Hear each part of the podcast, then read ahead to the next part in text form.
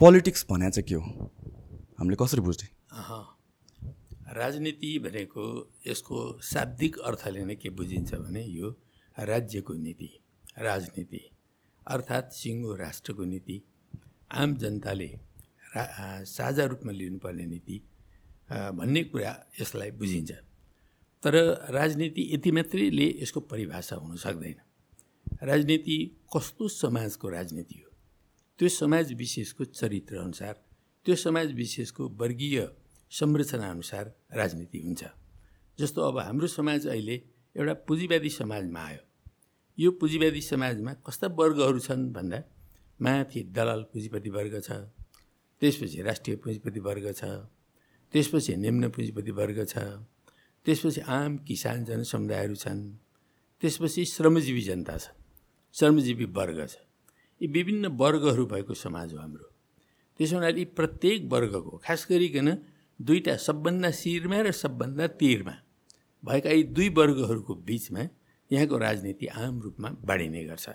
श्रमजीवी जनताको श्रमजीवी वर्गीय हितको कुरा उनीहरूको आफ्नो राजनीति हुन्छ र अब पुँजीपति वर्गको आफ्नो वर्गीय हित अनुकूलको उनीहरूको राजनीति हुन्छ। त्यसो हुनाले वर्गीय समाजमा राजनीति पनि वर्गीय भन्न पुग्छ। वर्गीय समाजमा वर्गीय राजनीतिभन्दा भिन्न खालको एउटा आम राजनीति स्वच्छ राजनीति एउटा निष्पक्ष राजनीति हामी खोज्न खोज्छौँ नि। मान्छेले त्यो खोज्छ तर पाउन सकिँदैन। किनभने वर्गीय समाजमा वर्ग वर्गबिचका अन्तर्विरोधहरू हुन्छन्। वर्ग वर्गबिचका आफ्नो स्वार्थहरू हुन्छन्। त्यो स्वार्थको आधारमा राजनीति तय हुन्छ। त्यसो हुनाले राजनीति भनिरहँदा आम राज्यको नीति चाहिँ हो। तर राज्यको नीति हुँदा हुँदै पनि त्यो वर्गीय हुन्छ। अहिले जस्तो अब कुनै पार्टीले कुन वर्गको हितलाई प्रतिनिधित्व गर्छ भन्दा त्यो वर्गको त्यो पार्टीको वर्ग चरित्र पहिला निर्धारण गर्नुपर्ने हुन्छ। कुनै पार्टीले बढी मात्रामा पुँजीवादी वर्गको हितलाई प्रतिनिधित्व गरेको हुन्छ। कुनै पार्टीले श्रमजीवी जनताको हितलाई प्रतिनिधित्व गरिरहेको हुन्छ। स्वाभाविक रूपले उनीहरूको राजनीति पनि फरक पर्छ। संसारभरि हेर्ने उनीहरूको दृष्टिकोण पनि फरक पर्छ। त्यसो हुनाले राजनीति भन्ने मात्रै एउटा सामान्य कमन अर्थमा मात्रै बुझ्नु हुँदैन। यसलाई वर्गीय समाजमा वर्गीय रूपले बुझ्नुपर्छ र वर्ग दृष्टिकोणको आधारमा राजनीति चल्छ। अहिले नेपालमा पनि विभिन्न राजनीतिक पार्टीहरू छन्। ती विभिन्न राजनीतिक पार्टीहरूले विभिन्न वर्गहरूकै हितलाई प्रतिनिधित्व गर्छन् हेर्नुहोस् त्यस कारणले उनीहरूले त्यही ढङ्गको राजनीति अगाडि बढाइरहेका हुन्छन् र राजनीतिमा पनि टक्कर हुन्छ नि प्रतिस्पर्धा हुन्छ। एक आपसमा एउटाले अर्कोलाई पराजित नगरिकन नहुने एउटाले अर्कालाई बदनाम नगरिकन नहुने यो खालको जुन एउटा प्रतिस्पर्धा चल्छ त्यो प्रतिस्पर्धा यही समाजमा चलिरहेको वर्ग सङ्घर्षको प्रतिबिम्ब हो। त्यसो हुनाले हाम्रो जस्तो समाजमा राजनीति भन्दाखेरि वर्गीय राजनीति भन्ने बुझ्नुपर्छ। यो कुन चाहिँ वर्गको राजनीति हो भने हामीले चिन्न सक्यौँ। हाम्रो आजका युवाहरूले चिन्न सक्नुभयो आम जनताले चिन्न सक्नुभयो। भने कुन चाहिँ राजनीतिले हाम्रो हित हुन्छ भनेर उहाँहरू पत्ता लगाउनु उहाँहरूलाई सजिलो पर्छ। त्यसो हुनाले राजनीति भनिरहँदाखेरि हाम्रो समाजको चरित्रलाई हाम्रो समाजको वर्गीय संरचनालाई बुझेर कुन चाहिँ वर्गको यो राजनीति हो? अथवा कुन चाहिँ वर्गलाई यो राजनीतिज्ञले प्रतिनिधित्व गरिरहेको छ? कुन चाहिँ वर्गलाई यो राजनीतिक पार्टीले प्रतिनिधित्व गरिरहेको छ? अथवा यो सरकारले कुन वर्गको राजनीतिलाई प्रतिनिधित्व गरिरहेको छ? यो आधारमा हामीले विश्लेषण गरेर बुझ्ने यो चेतना आम जनतामा हाम्रो हुनु जरुरी छ। त्यो वर्गीय चेतना आम जनतामा भयो भने राजनीतिलाई पनि हामीले राम्रोसँगले बुझ्न सक्छौँ। सो यसो सुन्दाखेरि त त्यसो भए त पोलिटिक्स भनेको त जहिले पनि बायस्ड नै हुने भयो नि त। कि यो साइडमा कि त्यो साइडमा भनेको। अब देशको एउटा पोलिटिक्स भनेर भनेपछि त टु सम एक्सटेन्ट कस्तो भन्ने अब एउटा अनबायस्ड हुनु पऱ्यो सबैलाई मिल्ने खालको हुनु पऱ्यो सो त्यसको सल्युसन नै छैन कि के हो? जबसम्म हाम्रो समाज वर्गीय हुन्छ हजुर। एक वर्गले अर्को वर्गलाई शोषण गर्ने एक वर्गले अर्को वर्गलाई थिचोमिचो गर्ने यो प्रक्रिया जबसम्म जारी रहन्छ त्यस बेलामा राजनीति निष्पक्ष भन्ने राजनीति पाउनै सकिँदैन हेर्नुहोस्। कल्पना नगर्दा पनि हुन्छ। संसारमा कतै छ त निष्पक्ष राज राजनीति भनेर? अब निष्पक्ष राजनीति भनिरहँदा हाम्रो समाज चाहिँ जस्तो सुरुमा आदिम साम्यवादी समाजमा थियो है? त्यति बेला वर्ग पनि थिएनन् वर्ग सङ्घर्ष पनि थिएन एउटा मान्छेले अर्को मान्छेलाई शोषण गर्ने कुरा पनि थिएन अन्याय अत्याचार गर्ने कुरा पनि थिएन मान्छेहरू प्राकृतिक ढङ्गले सञ्चालित थिए। है बिस्तारै समाज दास प्रथामा आयो। दास प्रथामा आएपछि दुईवटा वर्गहरूमा समाज विभाजित भयो। एउटा दास मालिकहरूको वर्ग अर्को दासहरूको वर्ग। त यसरी दुईवटा वर्गमा विभाजित भयो र त्यहाँबाट समाजमा वर्ग सङ्घर्षको सुरुवात भयो।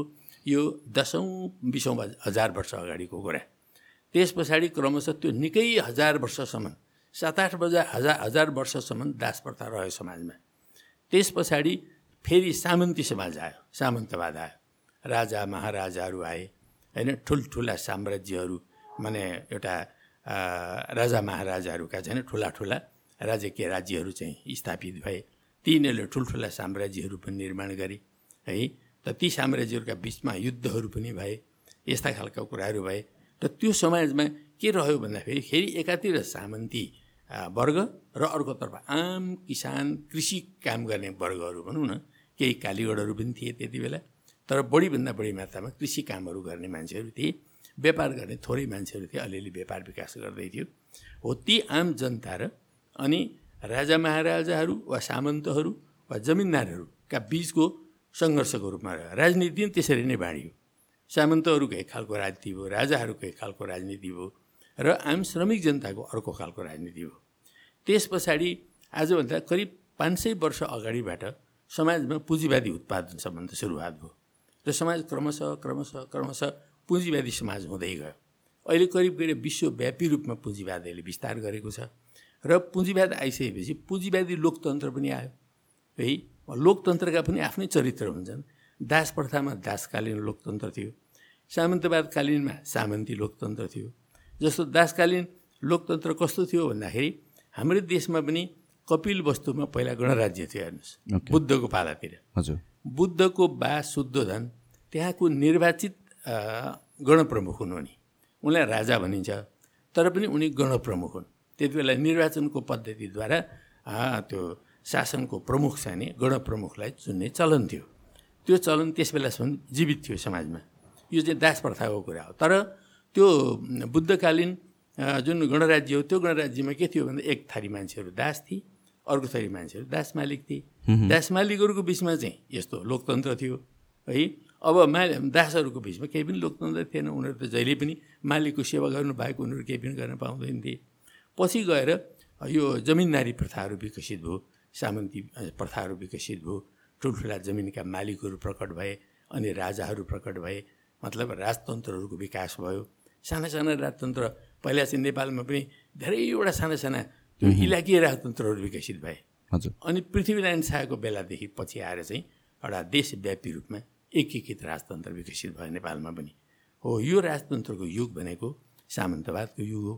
अनि त्यसपछि बिस्तारी बिस्तारी पुँजीवादी उत्पादन सम्बन्ध सुरु भएपछि र पुँजीवादी व्यवस्था अगाडि बढ्दै गएपछि पोलिटिकल पार्टीहरू पनि देखा पर्न थाले। पोलिटिकल पार्टीहरू भनेको चाहिँ पुँजीवादको उदय हुने हेर्नुहोस्। पुँजीवादको उब्जनी हुन्।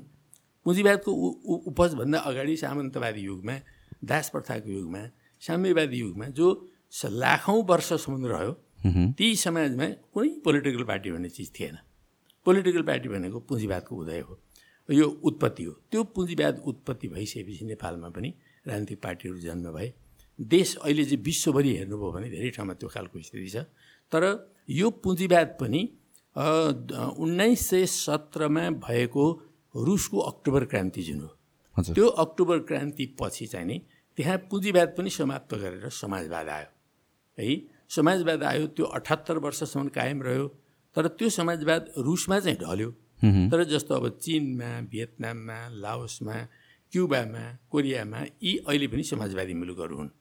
र अब पुँजीवादी लोकतन्त्रलाई समाप्त गरेर जब समाजवाद आउँछ त्यो समाजवादमा चाहिँ के हुन्छ भने पुँजीवादी वर्ग जो शोषणमाथि आधारित हुन्छ शोषण गर्ने वर्ग हुन्छ त्यो वर्ग त उन्मूलन भयो त्यहाँ।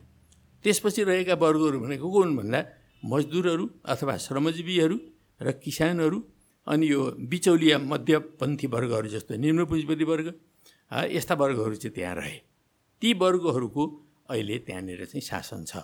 त्यसो भन्दाखेरि त्यो चाहिँ अत्यधिक बहुसङ्ख्याको शासन भएको मुलुक हो त्यो। है बहुसङ्ख्यक सा मानिसहरूको हितलाई प्रतिनिधित्व गर्ने लोकतन्त्र छ त्यहाँ। जुन लोकतन्त्र चाहिँ समाजवादी लोकतन्त्र हो। त्यो समाजवादी लोकतन्त्रले पनि के कुरामा चाहिँ ध्यान दिनुपर्छ भन्दाखेरि फेरि पुँजीपति वर्गहरूले आफ्नो शासन सत्ता पुनस्थापन पो गर्छन् कि षड्यन्त्र पो गर्छन् कि भनेर उनीहरूसँग सतर्क रहने र उनीहरूलाई चाहिँ नि कतिपय कुराहरूमा बन्देज गर्ने कामहरू गर्छ।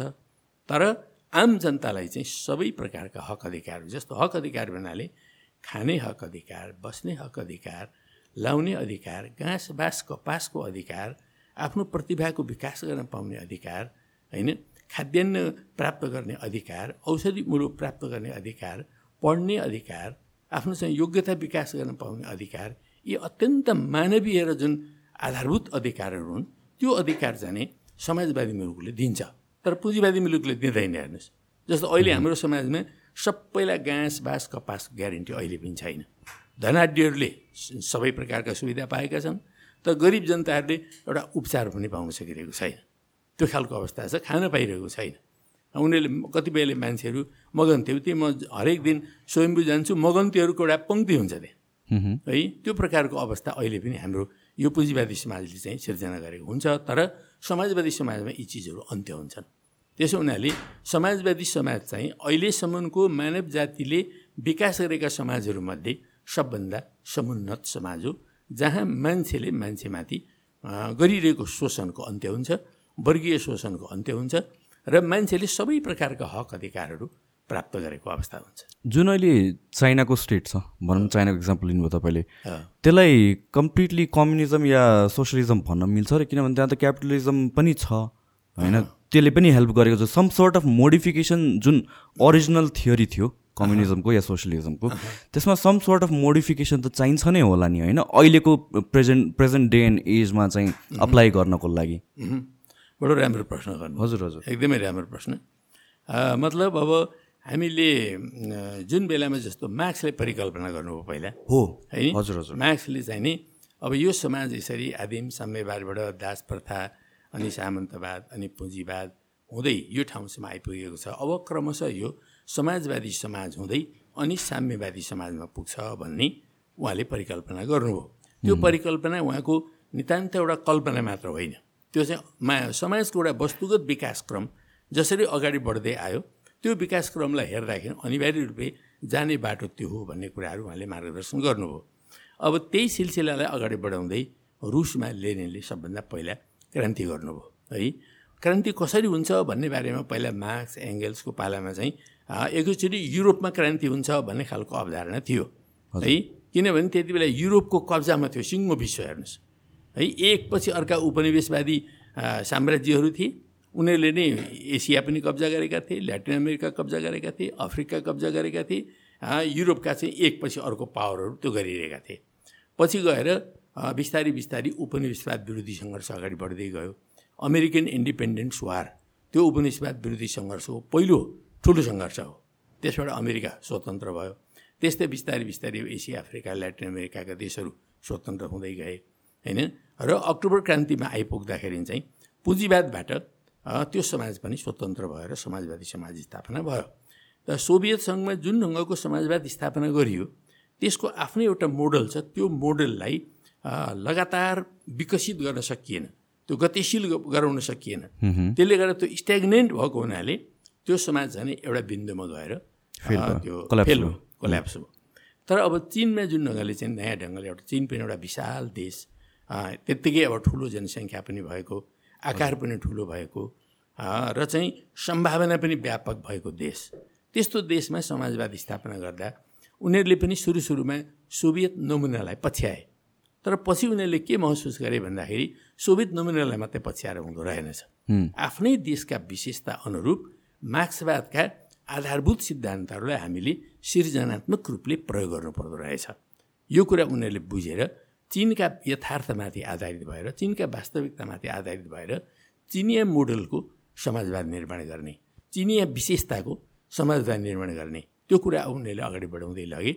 अब चिन त निकै नै पछाडि परेको देश थियो नि। पुँजीवाद पूर्ण रूपले विकसित भएको थिएन।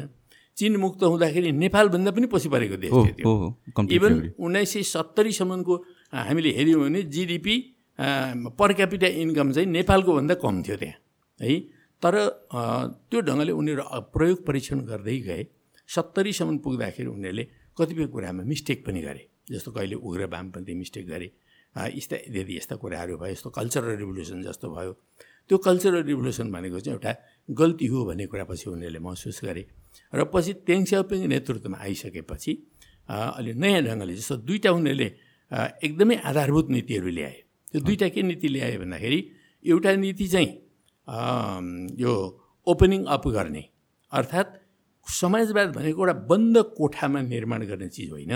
संसारसँग लगातार एउटा ओपन भएर प्रतिस्पर्धा गर्दै संसारबाट पनि सिक्दै त्यसलाई चाहिँ निर्माण गर्नुपर्ने हुन्छ र कुनै पनि समाजवादी मुलुकहरूले मुलुकहरूले संसारसँग चाहिँ खुला भएर जानुपर्छ एउटा नीति।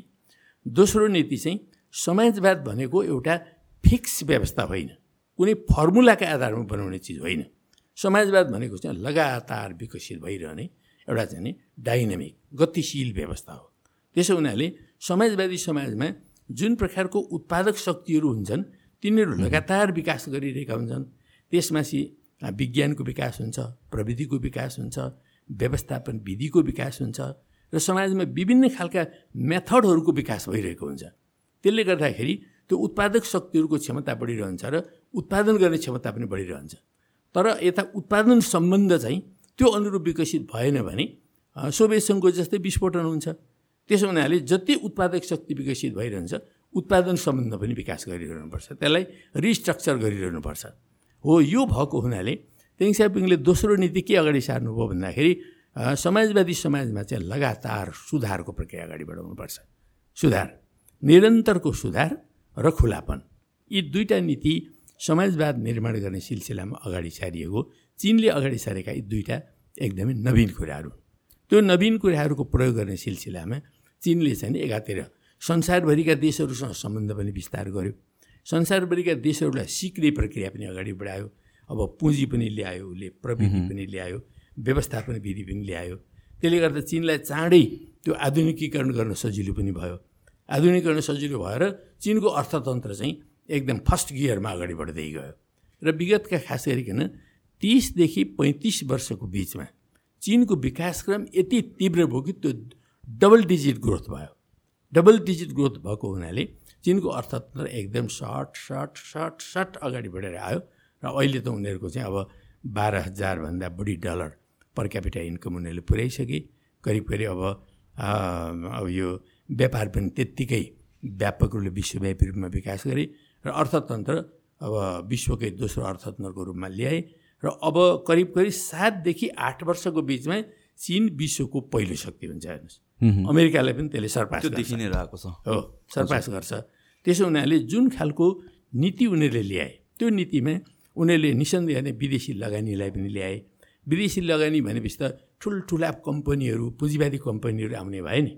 त्यो पुँजीवादी कम्पनी आउँदा पुँजीवादी उत्पादकहरू पनि त्यो ठाउँमा आएर काम गरिरहेका छन्। है अर्कोतर्फ उनीहरूले यति विशाल विशाल चाहिँ त्यो राजकीय कम्पनीहरू विकास गरे। राजकीय क्षेत्रका सरकारी स्वामित्व भएका कम्पनीहरू जुन कम्पनीहरू विगत बिस वर्षमा चाहिँ संसारको ग्लोबल कम्पनीको रूपमा विकसित भए हेर्नुहोस् जस्तो अहिले संसारमा पाँच सयवटालाई फर्चुन कम्पनी भन्ने गरिन्छ नि फाइभ हन्ड्रेड फर्चुन कम्पनी। त्यो फर्चुन कम्पनीहरूमध्ये अहिलेभन्दा ठिक बिस वर्ष अगाडि सबभन्दा ठुलो सङ्ख्या कसको थियो भन्दा अमेरिकनहरूको थियो। है त्यसमध्ये पनि दसवटा ठुल्ठुला फाइनेन्सियल कर्पोरेसन अथवा ब्याङ्कहरू भनौँ न कसका थिए भन्दा तिनीहरू बढी अमेरिकन र युरोपियनहरू थिए है? तर अहिले के भएछ यो बिस वर्षपछिको डाटालाई तपाईँले हेर्नुभयो भने त्यो फाइभ हन्ड्रेडमा ठुलो सबभन्दा ठुलो सङ्ख्या अहिले चिनको भइसक्यो है? र त्यो दसवटा जुनै मुख्य मुख्य जुन फाइनेन्सियल कम्पनी त्यसमध्ये पनि छभन्दा बढी चाहिँ चाइनाका भइसकेछ। त्यसो हुनाले अब चा चिनको चाहिँ एउटा विश्वमा चाहिँ जुन आर्थिक स्थिति हो त्यो आर्थिक स्थिति चाहिँ एकदमै माथि भएर गयो। यसरी उत्पादक शक्तिहरूको विकास अनुरूप समाजवादी समाजको उत्पादन सम्बन्ध पनि निरन्तर विकास गरिरहेको हुनाले अर्थात् रिफर्म र ओपनिङ अप यी दुइटै कुराहरू चाहिँ लागू गर्न सकेको हुनाले चिनको अर्थतन्त्र निरन्तर विकास भएको छ र जस्तो अहिले अमेरिकासँग प्रतिस्पर्धा हो नि प्रतिस्पर्धा हुँदा अमेरिकनहरूले के स्ट्राटेजी लिएका छन् भन्दाखेरि अब चिनलाई चाहिँ कन्टेन गर्ने चिनलाई अगाडि बढ्न नदिने। चिनको यो जुन तीव्र विकास छ त्यसलाई रोक्ने भनेर उनीहरू अनेकन खालका दाउपेचहरू लगाइरहेका छन्। कहिले मिलिटरी अर्गनाइजेसनहरू गर्छन् होइन? कहिले सोझै चिनलाई दबाब दिन्छन्। कहिले त्यो ताइवानलाई जवाब दिन्छ दबाब दिन्छन्। कहिले चिनलाई इन्सर्कल गर्ने चारैतिरबाट भनेर त्यो खालका चाहिँ रणनीतिहरू गर्छन्। तर ती कुनै रणनीतिले चिनलाई छोइरहेको छैन। यो एमसिसी तपाईँलाई लाग्छ it is part of that? MCC भनेको त अब इन्डो पेसिफिक स्ट्राटेजीको एउटा अङ्ग नै हो नि। त्यो मैले भनेको होइन त्यो अमेरिकन चारवटा चाहिँ के अरे उनीहरूका मन्त्रीहरूले बोलेका छन् चारजना मन्त्रीले। त्यो चारजना मन्त्रीले बनेको कुरो यो धरतीको कसैले काटेको छ त? कसैले काटेको छैन। त्यस कारण खालि कोही एउटा चाहिँ अमेरिकनभन्दा बढी अमेरिकन छन् यी नेपालमै छन् कतिपय। है? र उनीहरू चाहिँ के भन्छन् भने यो त विशुद्ध एउटा चाहिँ सहयोगको कुरा हो। हामीलाई चाहिँ के अरे बाटो बनाउनुको लागि र ट्रान्समिसन लाइन बनाउनुको लागि दिएको भन्छन्। तर त्यो दस्तावेजहरू जुन बाह्रवटा दस्तावेज छन् ती बाह्रवटा दस्तावेजहरू पढेर त्यसमा कस्ता कस्ता शर्त छन् भनेर त्यो पढिदिएदेखि हुन्थ्यो कि? त्यो पढ्दैनन्। हाम्रो देशका नेताहरू नै पढ्दैन हेर्नुहोस्। मलाई यो यो कुरा चाहिँ अचाउँ लाग्यो। मैले कतिजनासँग एमसिसीसँग रिलेटेड डिबेट गरेँ। डिबेट भन्दा पनि कुरा गर्न खोजेँ। किनभने म चाहिँ के बिलिभ गर्छु भनेपछि both side of the story हुन्छ नि त। होइन यसै सबैजना त भेडा छैन। दुवै साइडमा छ क्या मान्छेहरू। होइन सो एउटा साइड कम्प्लिटली भेडा भन्न मिल्दैन। तर मैले एउटा नबुझेको कुरा इज आई थिङ्क दुवै साइडले चाहिँ अग्री गर्छ कि हामीलाई यो it it is a help एउटा हिसाबले हामीलाई काम लाग्छ यो। जो जु जुन पक्षले चाहिँ एमसिसी ल्याउनु हुँदैन भनेर भनिरहेको छ उहाँहरूको डिमान्ड मैले बुझे अनुसारले यो बा- जो जतिवटा बुदाहरू छ यिनीहरू करेक्ट गरेपछि त ल्याउन त हुन्छ। त्यही हो नि फिलोसफी होइन ल्याउनै नहुने त होइन। यो सर्टन पोइन्ट्सहरू मिलाउनु पऱ्यो किनभने रिस्की छ यो कुराहरू। तर what it seems like from the outside is ल्याउने कि नल्याउने मात्र? नल्याउने पक्षको पनि कुरा त्यही त हो ल्याउने। तर यो कुराहरू संशोधन गरेर ल्याउने। सो आई थिङ्क त्यो प्रपर कम्युनिकेसन नै भएको छैन कि? जनता लैलैमा लाग्ने हो कि? यसमा एक दुईवटा कमजोरी भयो हेर्नुहोस्। हजुर। सबभन्दा पहिलो के भयो भने हाम्रो देश यत्रो ठुलो परिवर्तन बैसठी त्रिसठीको परिवर्तन गरेर संविधान सभाबाट संविधान निर्माण गरेर एउटा नयाँ उचाइमा गणतन्त्र समेत घोषणा गरेर एउटा नयाँ उचाइमा आयो नि यो देश है? त्यो उचाइमा आइरहँदाखेरि अहिले हामीले संसारमा भएका एक सय पन्चानब्बेवटा देशहरू जो संयुक्त राष्ट्रसङ्घका सदस्यहरू छन् ती सदस्यहरूको हाराहारीमा आयौँ नि अब त हामी। है?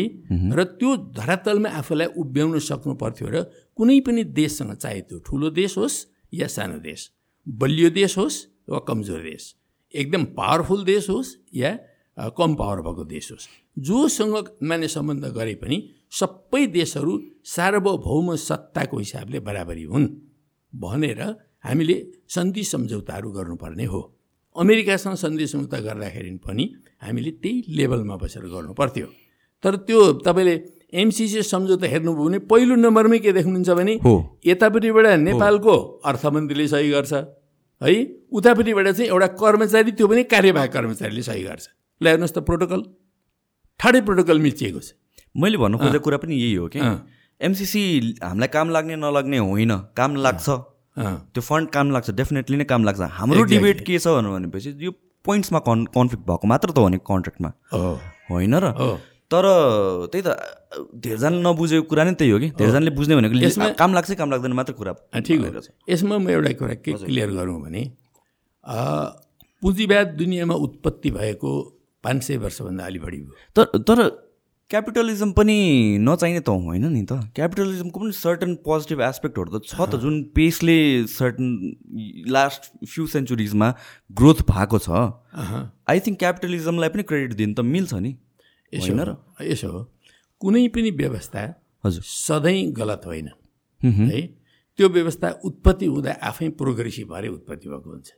सामन्तवाद पनि सुरुमा काम लाग्ने नै हो। पछि त्यो त्यो ऐतिहासिक रूपले नै त्यो काम नलाग्ने व्यवस्थामा रूपान्तरित भयो र त्यो समाप्त भयो। त्यस्तै पुँजीवाद पनि सुरुमा प्रगतिशील भने त्यसले चाहिँ उत्पादन गर्यो त्यसले कारखाना बनायो त्यसले व्यापक मजदुरहरूलाई एक ठाउँमा ल्यायो होइन? ट्रेड युनियनहरू डेभलप गर्यो पोलिटिकल पार्टीहरू डेभलप गर्यो यी सब चिजहरू गर्ने र उत्पादन विश्वव्यापी रूपमा यत्रो मार्केट क्रिएट गर्यो यी सब चिजहरू त पुँजीवादले गरेकै कुरा हो नि त होइन?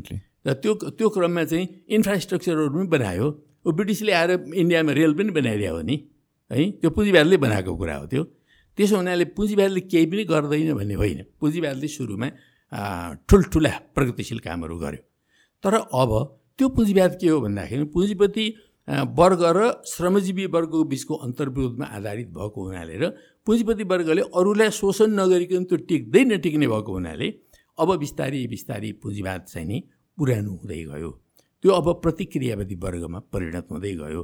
त्यसको प्रगतिशीलता समाप्त हुँदै गयो। त्यसो हुनाले अब यसको सट्टा समाज चाहिँ समाजवादी समाजतर्फ जान्छ। त्यो अनिवार्य प्राकृतिक नियम हो त्यो।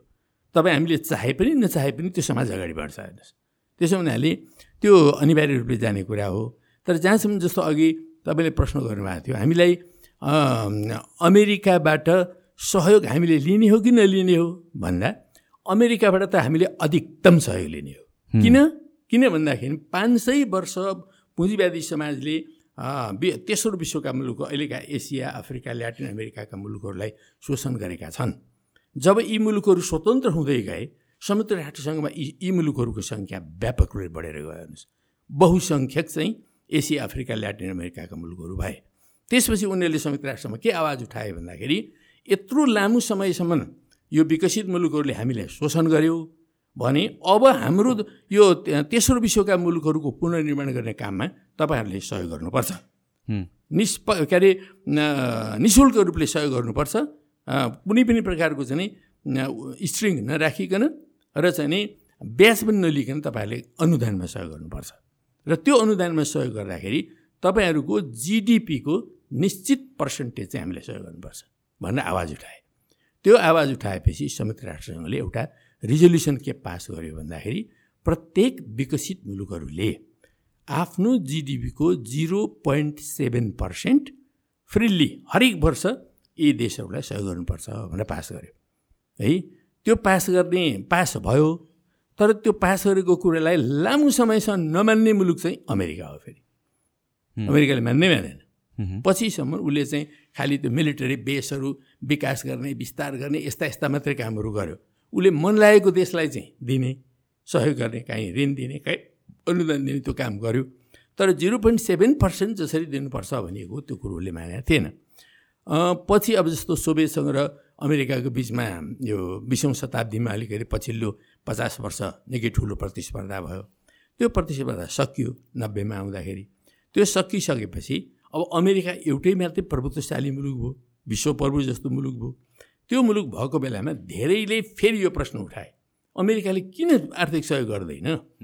भनेपछि अनि यो दुई हजार तिनमा अमेरिकाले एउटा एक्ट बनायो। है एमसिसी एक्ट भनेको त्यही हो। त्यो त्यो दुई हजार दुईमा एक्ट बनाएर उसले चाहिँ अब आफूलाई कहाँ दिँदाखेरि चाहिँ आफ्नो रणनीतिक हित पुरा हुन्छ। हो त्यो कुरोलाई ध्यानमा राखिकन विभिन्न देशहरूलाई उसले सहयोग दिन सुरु गर्यो। त्यसको पछाडि आफ्नै इन्ट्रेस्ट छ। इन्ट्रेस्ट छ। उसको त त्यो समय के अरे अमेरिकाको डिफेन्स मिनिस्ट्रीका डकुमेन्टहरू अहिले तपाईँले चाहिँ इन्टरनेटमा तुरन्त क्लिक गऱ्यो भने हामी हेर्न सक्छौँ।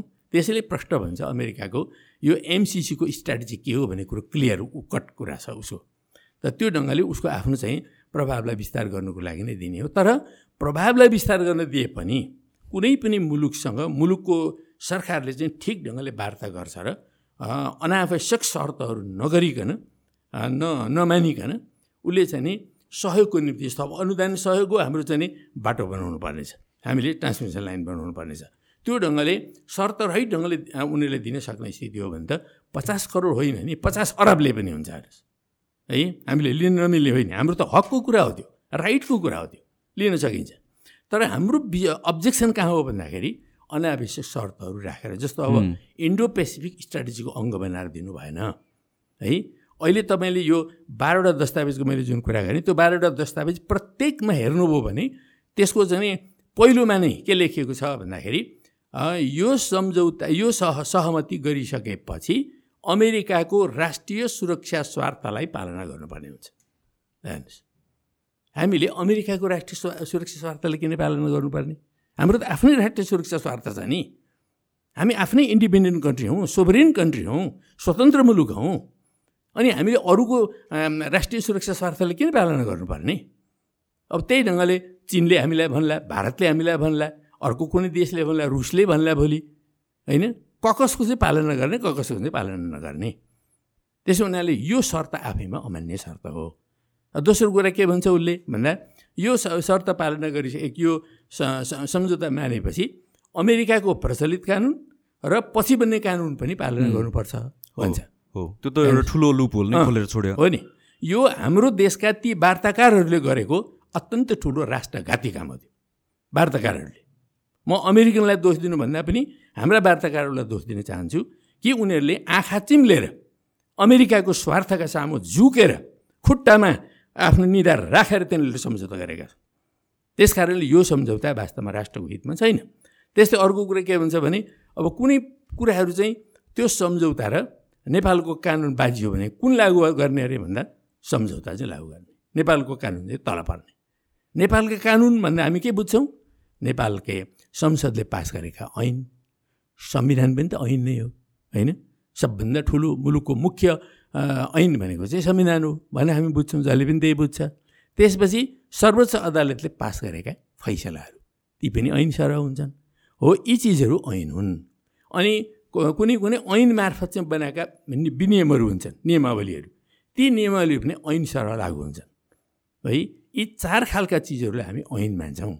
भन्दाखेरि यी चार खालका कुराहरूसँग यो सम्झौता चाहिँ विवादमा आयो भने यी चार खालका ऐन तल।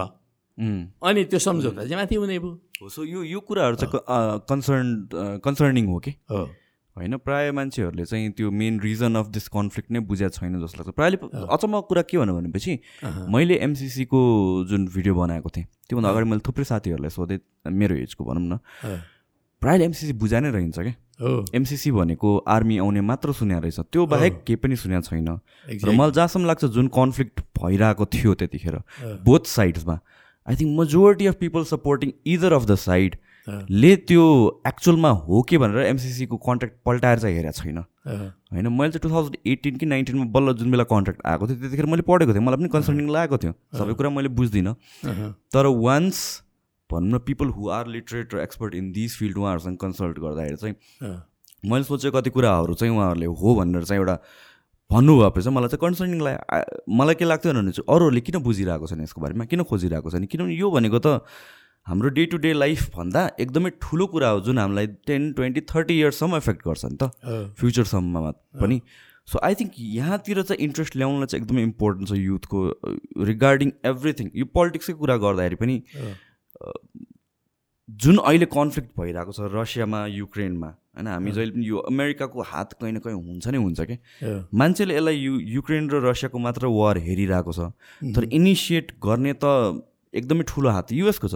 एक्ज्याक्टली एक्ज्याक्टली जस्तो कि अब लामो समयदेखि जति बेला सोभियत सङ्घ विघटित भयो सोभियत सङ्घ विघटित भएपछि पन्ध्रवटा गणतन्त्रहरू पनि स्वतन्त्र भए हेर्नुहोस् सोभियत सङ्घबाट। त्यसमध्ये युक्रेन पनि एउटा हो। जुन युक्रेनको किप भन्ने हो भने सोभियत सङ्घ हुँदा मस्को जत्तिकै महत्त्वपूर्ण सहरको रूपमा किप पनि थियो है? र किपकै नजिकमा चाहिँ चेर्नोबिल जस्तो चाहिँ एउटा आणविक केन्द्र पनि बनाइयो है? र त्यो ठाउँमा त्यो युक्रेन चाहिँ अरू कतिपय गणराज्यहरूभन्दा अलिक अगुवा पनि हो त्यो है अर्थतन्त्रको हिसाबले आर्थिक हिसाबले तेलको हिसाबले ग्यासको हिसाबले र अरू कतिपय चाहिँ नि जस्तो व्हिट उत्पादनको हिसाबले आदि इत्यादिले चाहिँ त्यो एकदमै धेरै रिसोर्सेसहरू भएको प्राकृतिक रिसोर्सेसहरू भएको एउटा चाहिँ गणराज्य पनि हो त्यसो हुनाले त्यो स्वतन्त्र भइसकेपछि खास गरिकन चौधसम्म ठिकै थियो। अनि चौधमा चाहिँ त्यति बेलाको निर्वाचित सरकारका विरुद्ध अमेरिकन र नाटो मुलुकहरूले चाहिँ त्यहाँका आ, प्रो पश्चिमाहरूलाई चाहिँ एकदम बढी मात्रामा उक्साहट गरे। त्यो उक्साहट गरेर त्यहाँ चाहिँ नि उनीहरूले चाहिँ व्यापक विद्रोहको सिर्जना गरिदिए। त्यो विद्रोहको सिर्जना गरिसकेपछि त्यसलाई ओरेन्ज रिभोल्युसन भने पश्चिमाहरूले ल युक्रेनमा ओरेन्ज रिभोल्युसन भयो भन्दै त्यति बेलाको निर्वाचित सरकारलाई पल्टाएर अनि यी कमेडियन यो अहिलेका जेलेन्स्की भनेका कमेडियन हुन् होइन? हाम्रो झन् महजोडी जस्तै खालको त्यहाँको चाहिँ हँसाउने मान्छे हुन्। ती हँसाउने मान्छेलाई निर्वाचित गरेर राष्ट्रपति बनाइयो। अब राष्ट्रपति बनाएपछि यिनको चाहिँ लेगेसी के रहेछ भने यिनी यहुदी पनि हुन्। अनि यिनीहरू पश्चिमाहरूसँग चाहिँ यिनको व्यापक चाहिँ नि त्यो भावनात्मक सम्बन्ध पनि राजनीतिक सम्बन्ध पनि। त्यसले गर्दाखेरि अब उनीहरूसँग चाहिँ सम्बन्ध बढाउनु सुरु गरे। सम्बन्ध बढाउँदै गएपछि अब नाटोको सदस्यता लिने कुरा आयो। नाटोको सदस्यता लिने कुराहरू आइसकेपछि अब के अरे यता रुसका राष्ट्रपति पुटिनले भने कि हेर यो नाटोलाई पूर्वतिर बढाउने काम नगरौँ। सुरुमा नाटो र वार्सा प्याक्ट जो त्यही थियो। वाट्सएप एक्ट हो। उनीहरूको बिचमा हामीले संयुक्त रूपले त्यति बेला बैठक गरेका हौँ। त्यो बैठक गरिसकेपछि अब यो कुनै पनि प्रकारको मिलिट्री अर्गनाइजेसन चाहिँदैन। वाट्सएप प्याक्ट पनि हामी विघटन गर्छौँ र नाटो पनि विघटन गरौँ भन्ने सहमति भइसकेको कुरा हो। हामीले वाट्सएप प्याक चाहिँ विघटन गऱ्यौँ तर नाटो विघटन गरिएन। र अझ थप्दै गयो। हो र नाटोलाई चाहिँ पूर्वतिर विस्तार गर्ने कुराहरू चाहिँ गर्न थालियो र हिजोका ती पन्ध्र गणराज्यमध्ये कैयौँ गणराज्यहरू चाहिँ अहिले नाटोका सदस्यहरू बन्ने स्थिति बनेको छ। र युक्रेन पनि यदि नाटोको सदस्य बन्छ भने त्यो चाहिँ हाम्रो घाँटीमा तलवार चाहिँ अथवा चक्कु छडिया जस्तो हुन्छ। र हाम्रो आफ्नो घाँटीमा चक्कु ठडियाएर हामी सुरक्षित हुँदैनौँ। त्यस्तो अवस्था आयो भने हामीले चाहिँ केही न केही काम गर्नुपर्ने एक्सन लिनुपर्ने स्थिति आउँछ। त्यस कारणले युक्रेनले तटस्थताको नीति लियोस् सहयोगको नीति लियोस् मित्रताको नीति लियोस्। हामी सबै प्रकारले सहयोग गर्न तपाईँहरूलाई तयार छौँ। तर तपाईँहरूले आफ्नो मुलुकलाई चाहिँ नाटोको सदस्यता विस्तार गर्ने कुरातर्फ नलानुहोस्। त्यो भने रुसले। तर यसलाई बिल्कुलै व्यवस्था गरेर नाटोसँग जाने सैनिक साँठगाँठहरू गर्ने सैनिक हतियारहरू ल्याउने सैनिक मिसनहरू ल्याउने र अमेरिकासँग चाहिँ सम्बन्ध गरेर चाहिँ विभिन्न खालका ल्याबहरू छ्यालिसवटा चाहिँ त्यो बायोलोजिकल ल्याब बनाएको रहेछ हेर्नुहोस् त्यो युक्रेनमा। युक्रेनमा। बायोलोजिकल ल्याब त्यो बायोलोजिकल ल्याब बनाएर विभिन्न खालका भाइरसहरूलाई चाहिँ त्यहाँ परीक्षण गरिरहेको। भनेको त्यो चाहिँ बायोलोजिकल वेपन बनाउने कुरा हो हेर्नुहोस्। त्यो बायोलोजिकल वेपन गराउने कुराहरूको लागि युक्रेन चाहिँ एउटा ल्याब जस्तै बनाएको छ अमेरिकाको। यो यो युक्रेन त सिधै यो प्रक्सी वारको भिक्टिम जस्तो भयो proxy war त हो नि। हो अफकोर्स सारा हतियारहरू उसले दिने टेक्नोलोजी उसले दिने इन्फर्मेसन उसले दिने अनि त्यस पछाडि ऊ लड्ने यो यो होल केसमा चाहिँ सुरुमा भनिदिइहाल्नुपर्ने कुरा के हो भनेपछि of course we don't support Russia invading Ukraine त्यो त छँदैछ। त्यो एक्सनलाई त जसरी पनि जस्टिफाई गर्नै सकिँदैन। तर जुन सिचुएसनमा राखिएको छ युएसको थ्रुबाट युक्रेनको पनि it is one of the most corrupt government in the world यस देखिएको कुरा Zelensky is a billionaire comedian भएर त्यसपछि प्रेसिडेन्ट भएर बिलिनियर कसरी हुन्छ त? यो. कुराहरू आउँछ। अगेन यो जति कुरा भने पनि this is not a justification why रसियाले Europe के अरे युक्रेनलाई अट्याक गर्नको लागि। बट यो होल सिनेरियोमा चाहिँ रिजनिङ्सहरू छ। होइन जुन चाहिँ आई डोन्ट थिङ्क मासले चाहिँ बुझ्या छ। या चाहिँ मासलाई मिडियाले जुन हिसाबले अहिले अन्धा पारेर आएको छ। अहिले त एभ्रिथिङ इज कसरी देखाइरहेको छ भनेपछि पुटिन एक दिन अल अफ सडन उठ्यो। अनि ल अब युक्रेनलाई अट्याक गरौँ भनेर सोचे जस्तो त्यो हिसाबले देखिरहेको छ नि त प्रायः मान्छेले. त्यसको ब्याक स्टोरी बुझेको छैन। जुन जुन यो युएस र रसियाको बिचमा चाहिँ एउटा जुन अग्रिमेन्ट भएको थियो वार्सो प्याक्ट तिमीहरू हटाऊ। अनि हामीहरू नेटो हटाउँछु भनेर उनीहरूले वार्सो प्याक्ट त हटायो। तर उसले त मानेन नि त कन्ट्र्याक्ट नेटोले त कन्ट्र्याक्ट मानेन युएसले त कन्ट्र्याक्ट मानेन। झन् न्यू एडमिसन्सहरू लिँदै गएपछि मेरो मेरो घरको वरिपरि वेपन्सहरू राखेर बसेको छ भनेपछि म आफै सेफ फिल गर्दिनँ। बेसिकली भएको त्यही हो अहिले। एक्ज्याक्टली हो यो कुरा यस्तो स्थिति देखिरहेको अवस्थामा हामी जस्तो देशको नागरिकहरूले हामीले कसरी हेर्ने त्यस्तो घटनालाई भन्ने कुरामा बडो सतर्क हुनुपर्ने के आवश्यकता छ भने जस्तो हामी त एकातिर चाइना एकातिर अमे के अरे भारत जस्ता मुलुकहरू छन्। यी दुइटै मुलुकहरू चाहिँ अहिले तीव्र गतिले विकसित भइरहेका छन्। अब चाइना सात आठ वर्ष पछाडि विश्वको पहिलो शक्ति बन्दैछ। यस्तै यस्तै पिरियडभित्र फेरि विश्वको दोस्रो वा तेस्रो शक्ति भारत बन्दैछ। बन्छ डेफिनेटली बन्छ। यी दुईवटा शक्तिहरू त्यो ढङ्गले एउटा विश्व शक्तिको रूपमा उड्दैछन्। उनीहरूको बिचमा हामी छौँ। अहिले हामी यी दुईवटा उदीयमान शक्तिहरूले पनि युक्रेन वारमा बडो चाहिँ बुद्धिमत्तापूर्ण ढङ्गले एउटा चाहिँ उनीहरू चाहिँ हेरिरहेको अवस्था देखिन्छ। हाम्रो सरकारले चाहिँ बडो आत्तिएर एकदमै हतारो हतारोमा अमेरिकाले जसो जसो भन्छ त्यसै त्यसै गर्ने ढङ्गले चाहिँ नि अब संयुक्त राष्ट्रसङ्घको प्रस्तावमा पनि अमेरिकन शिविरले जे प्रस्ताव ल्यायो त्यसमा थपक्क मत हाल्ने काम गर्यो। र साथसाथै अब विरोध गर्ने वक्तव्य दिने कुराहरूमा पनि हतारिएर चाहिँ नि आक्रमणको विरोध गर्यो। ठिक छ रुसको आक्रमणलाई हामी कोही पनि समर्थन गर्न सक्दैन। एउटा देशले अर्को देशमाथि गर्ने हमलालाई आक्रमणलाई हामी कसैले पनि समर्थन गर्न सक्दैनौँ। तर त्यो परिस्थितिको सर्जक को हो त? त्यसको जिम्मेवार को हो त? स्वयं युक्रेनको सरकार र युक्रेनको सरकारलाई उकास्ने पश्चिमा शक्तिको भूमिकालाई नजरअन्दाज गर्ने हो भने हामी त सोझै पश्चिमाहरूको चाहिँ एउटा चाहिँ समर्थक जस्तो देखियो। होइन? देखिने भयो। र यो प्रकारले नजाउँ भनेर मैले त हाम्रो देशको प्रधानमन्त्रीलाई पनि भनेको। है यसरी होइन यसो हतारिएर चाहिँ यसो गर्नु राम्रो होइन भनेर मैले भनेँ तर उहाँले सुन्नु भएन। त यसले हो यही हो वर्गीय राजनीति भनेको। हेर्नुहोस् वर्गीय राजनीति भनिरह राजनीति भनिरहँदाखेरि अब अमेरिकाको राजनीति अहिलेको विश्वको ग्लोबल मोनोपोली क्यापिटलिजमको राजनीति हो उसको। होइन? ग्लोबल। जो हेर्नुहोस् अहिले अमेरिकाका आठजना ठुल्ठुला पुँजीपतिहरूको हातमा अमेरिकाको तिस प्रतिशत सम्पत्ति रहेछ। भन्नुहोस् त कति बिलियन कति ट्रिलियन होला त्यहाँ? है अहिलेको संसारको जिडिपी करिब करिब हन्ड्रेड ट्रिलियन पुग्यो।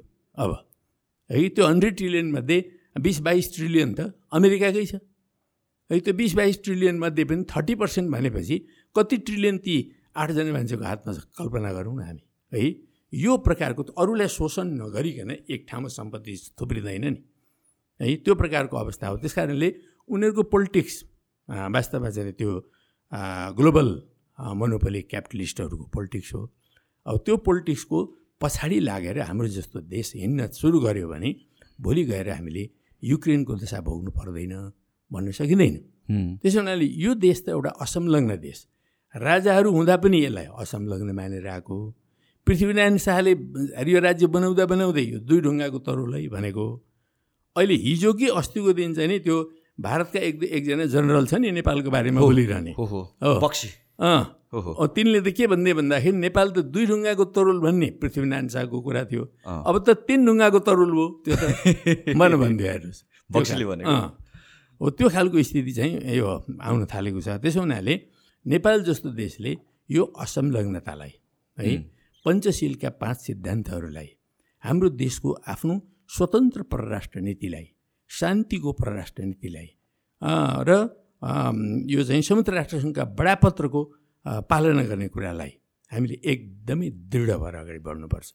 चाहे हाम्रो देश एउटा चाहिँ नि अर्ध सामन्ती अवस्थामा रहेको होस् राज राजतन्त्रात्मक अवस्थामा रहेको होस् चाहे हाम्रो देश गणतन्त्रको अवस्थामा भएको होस् चाहे हाम्रो देश समाजवादी अवस्थामा भएको होस् विदेश नीतिको अर्थमा चाहिँ हामीले असंलग्नतालाई हामीले तोड्नु हुँदैन। यो यो सबै कुराहरू हामीले कति कुराहरू अनरियलिस्टिक जस्तो लाग्छ। Until unless it actually happens जस्तो कि यो युक्रेनकै वार पनि हुँदैन होला जस्तो लागेको थियो कि।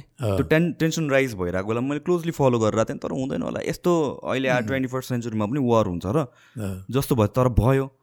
नभएसम्म मात्र हो कि। अब यो जस्तै यो न्युट्रालिटीकै कुरामा पनि हामीले कुनै साइड लिएर अर्को साइडलाई रिस उठाएर केही कन्सिक्वेन्सेस भयो भने कसैले बचाउनु त आउनेवाला छैन रहेछ। त्यो हामीले युक्रेनमै देख्यौँ।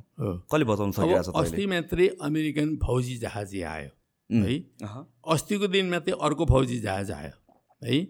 फौजी जहाज हाम्रो के अरे टिआइए विमानस्थलमा उत्रन्छ।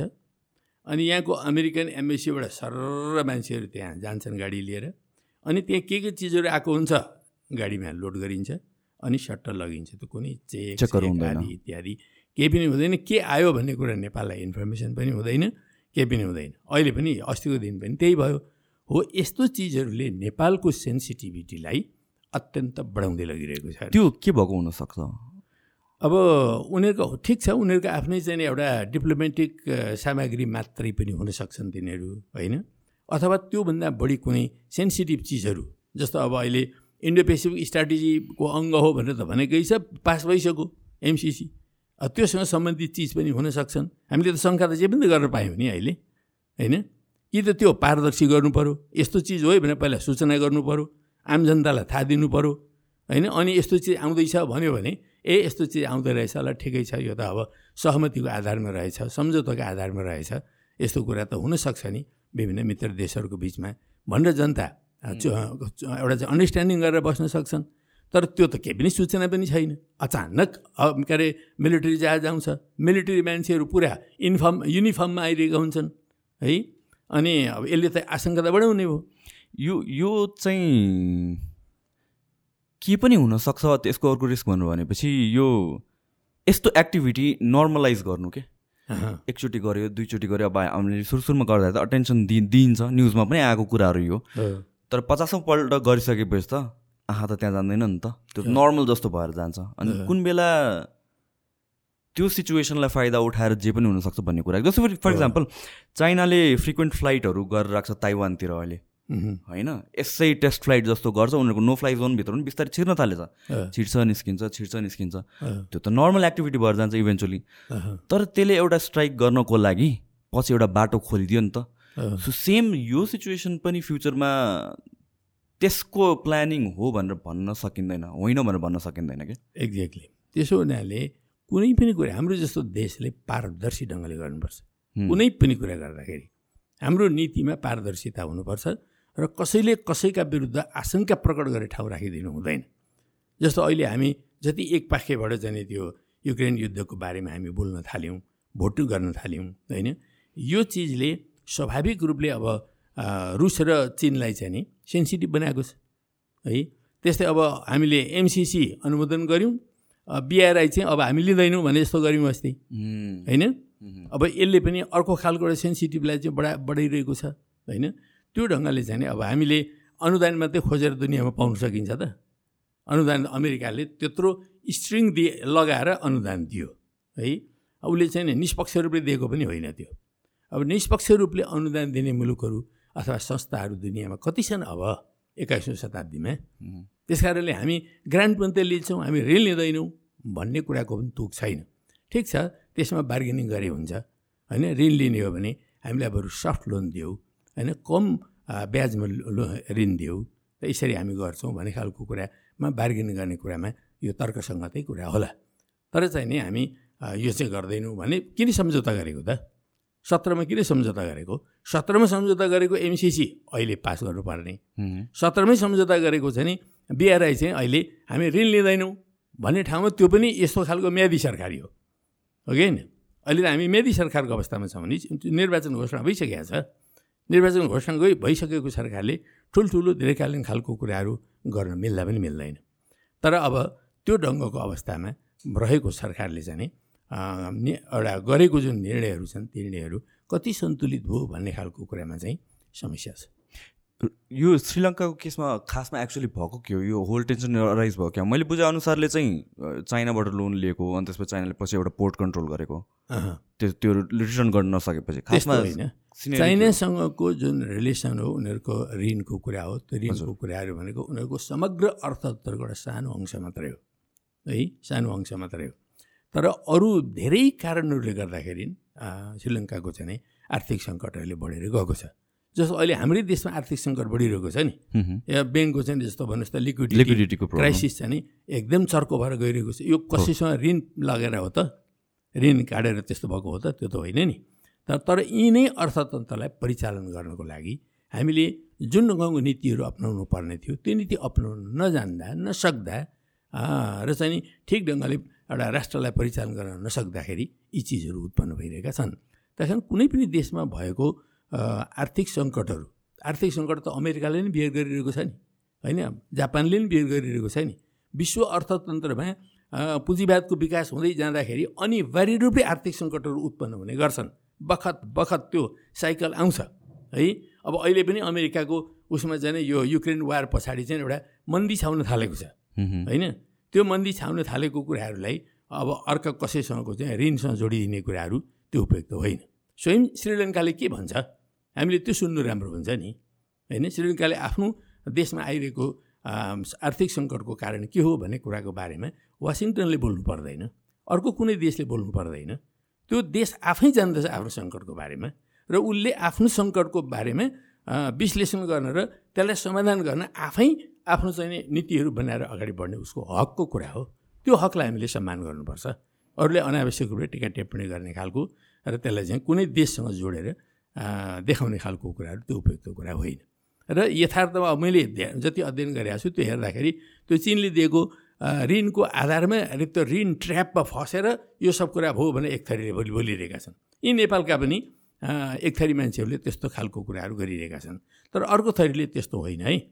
त्यो होइन त्यहाँ ऋणको कुरा भनेको त टेन पर्सेन्टभन्दा कम छ। त्यस कारणले त्यसको भूमिका त्यसमा छैन।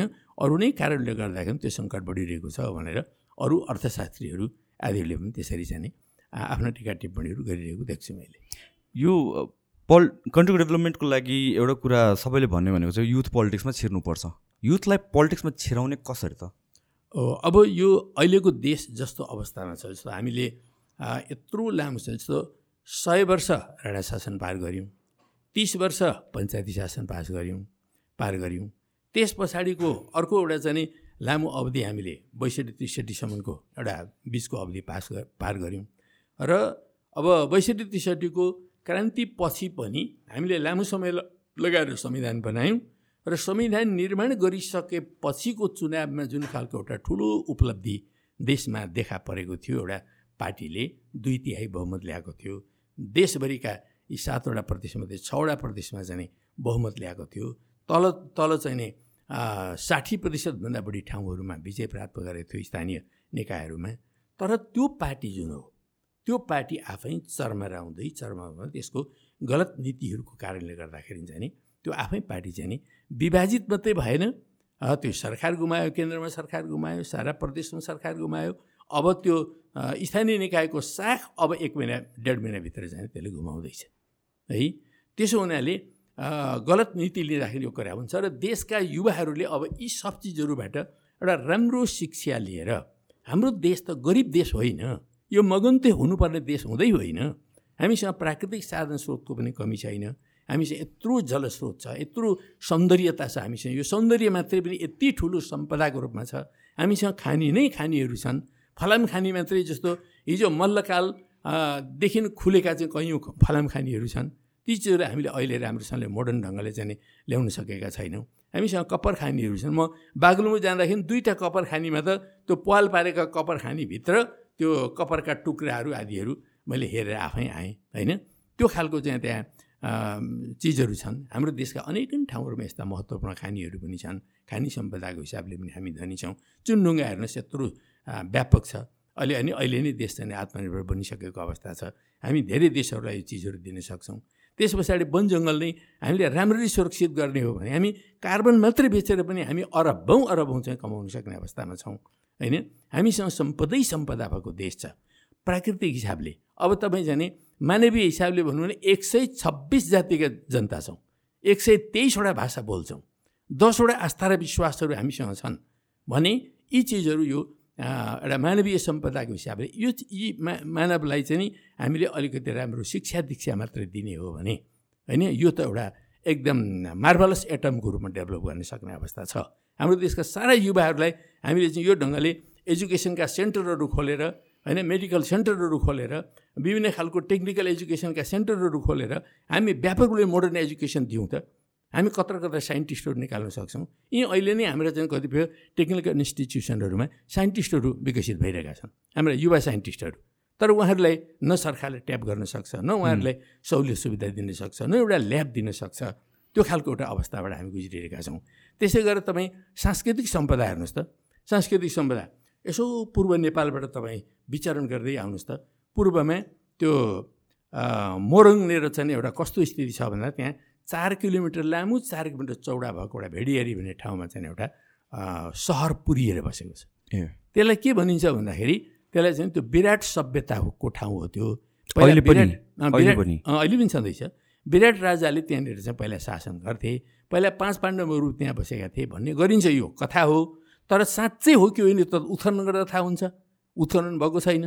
है उत्खनन नगरिकन बसेको त्यो विराट सभ्यता त्यो सभ्यताको एउटा थल हो। त्यहाँदेखि अलिकति पश्चिम आउँदाखेरि हामी चाहिँ नि जनक सभ्यताको थलोमा आउँछौँ जनकपुरमा। है त्यसले अर्कै खालको एउटा सभ्यता सिर्जना गरेको छ। त्यही जनकपुरमा चाहिँ नि हाम्रो ऋग्वेद लेखिएको हो भनेर हाम्रो डाक्टर मोदनाथ प्रसिद्धले एउटा चाहिँ लेखै लेख्नु भएको छ।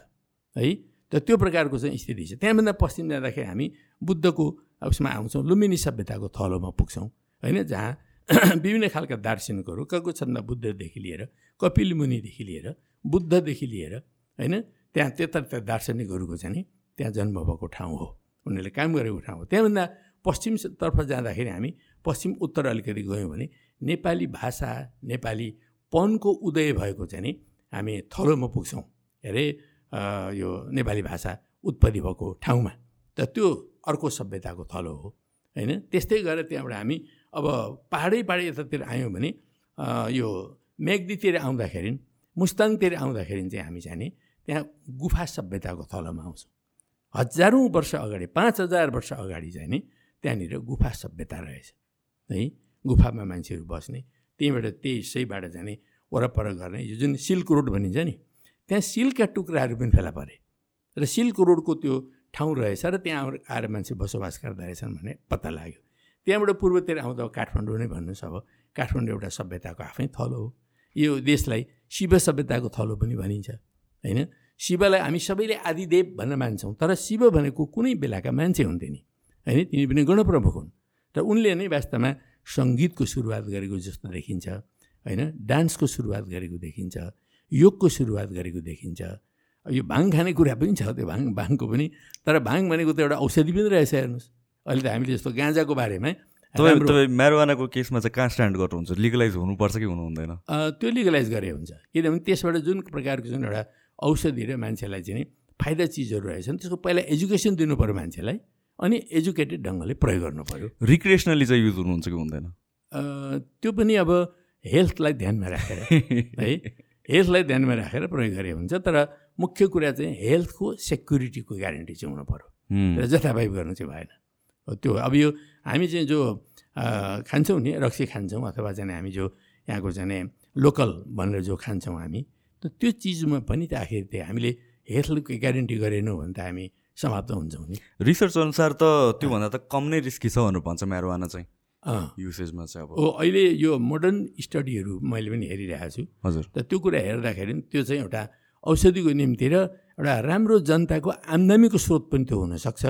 त्यस कारण यसको फार्मिङ गर्ने कुरालाई एलाउ गर्नुपर्छ। As a. नेसन पनि एक्सपोर्ट गर्ने वान अफ द भनौँ न वान अफ द क्रप्स मध्ये हुनसक्छ नि त म्यारोवाना पनि होइन त? किनभने बाहिर त एउटा ब्रान्ड नै छ। फेरि नेपालको म्यारोवाना भनेर के? यस यस। नेपालमा के रहेछ भने यो मरिवाना भनेको चाहिँ अब हामी तर तराईमा उत्पादन गऱ्यौँ त्यहाँ पनि हुन्छ। है? पाहाडमा उत्पादन गऱ्यौँ त्यहाँ पनि हुन्छ। अलि माथि हिमाली रिजनमा गऱ्यौँ त्यहाँ पनि हुन्छ। त्यसो हुनाले त्यो एउटा त सबै ठाउँहरूमा उत्पादन गर्न सकिने कमोडिटी हुँदो रहेछ उपज हुँदो रहेछ त्यो।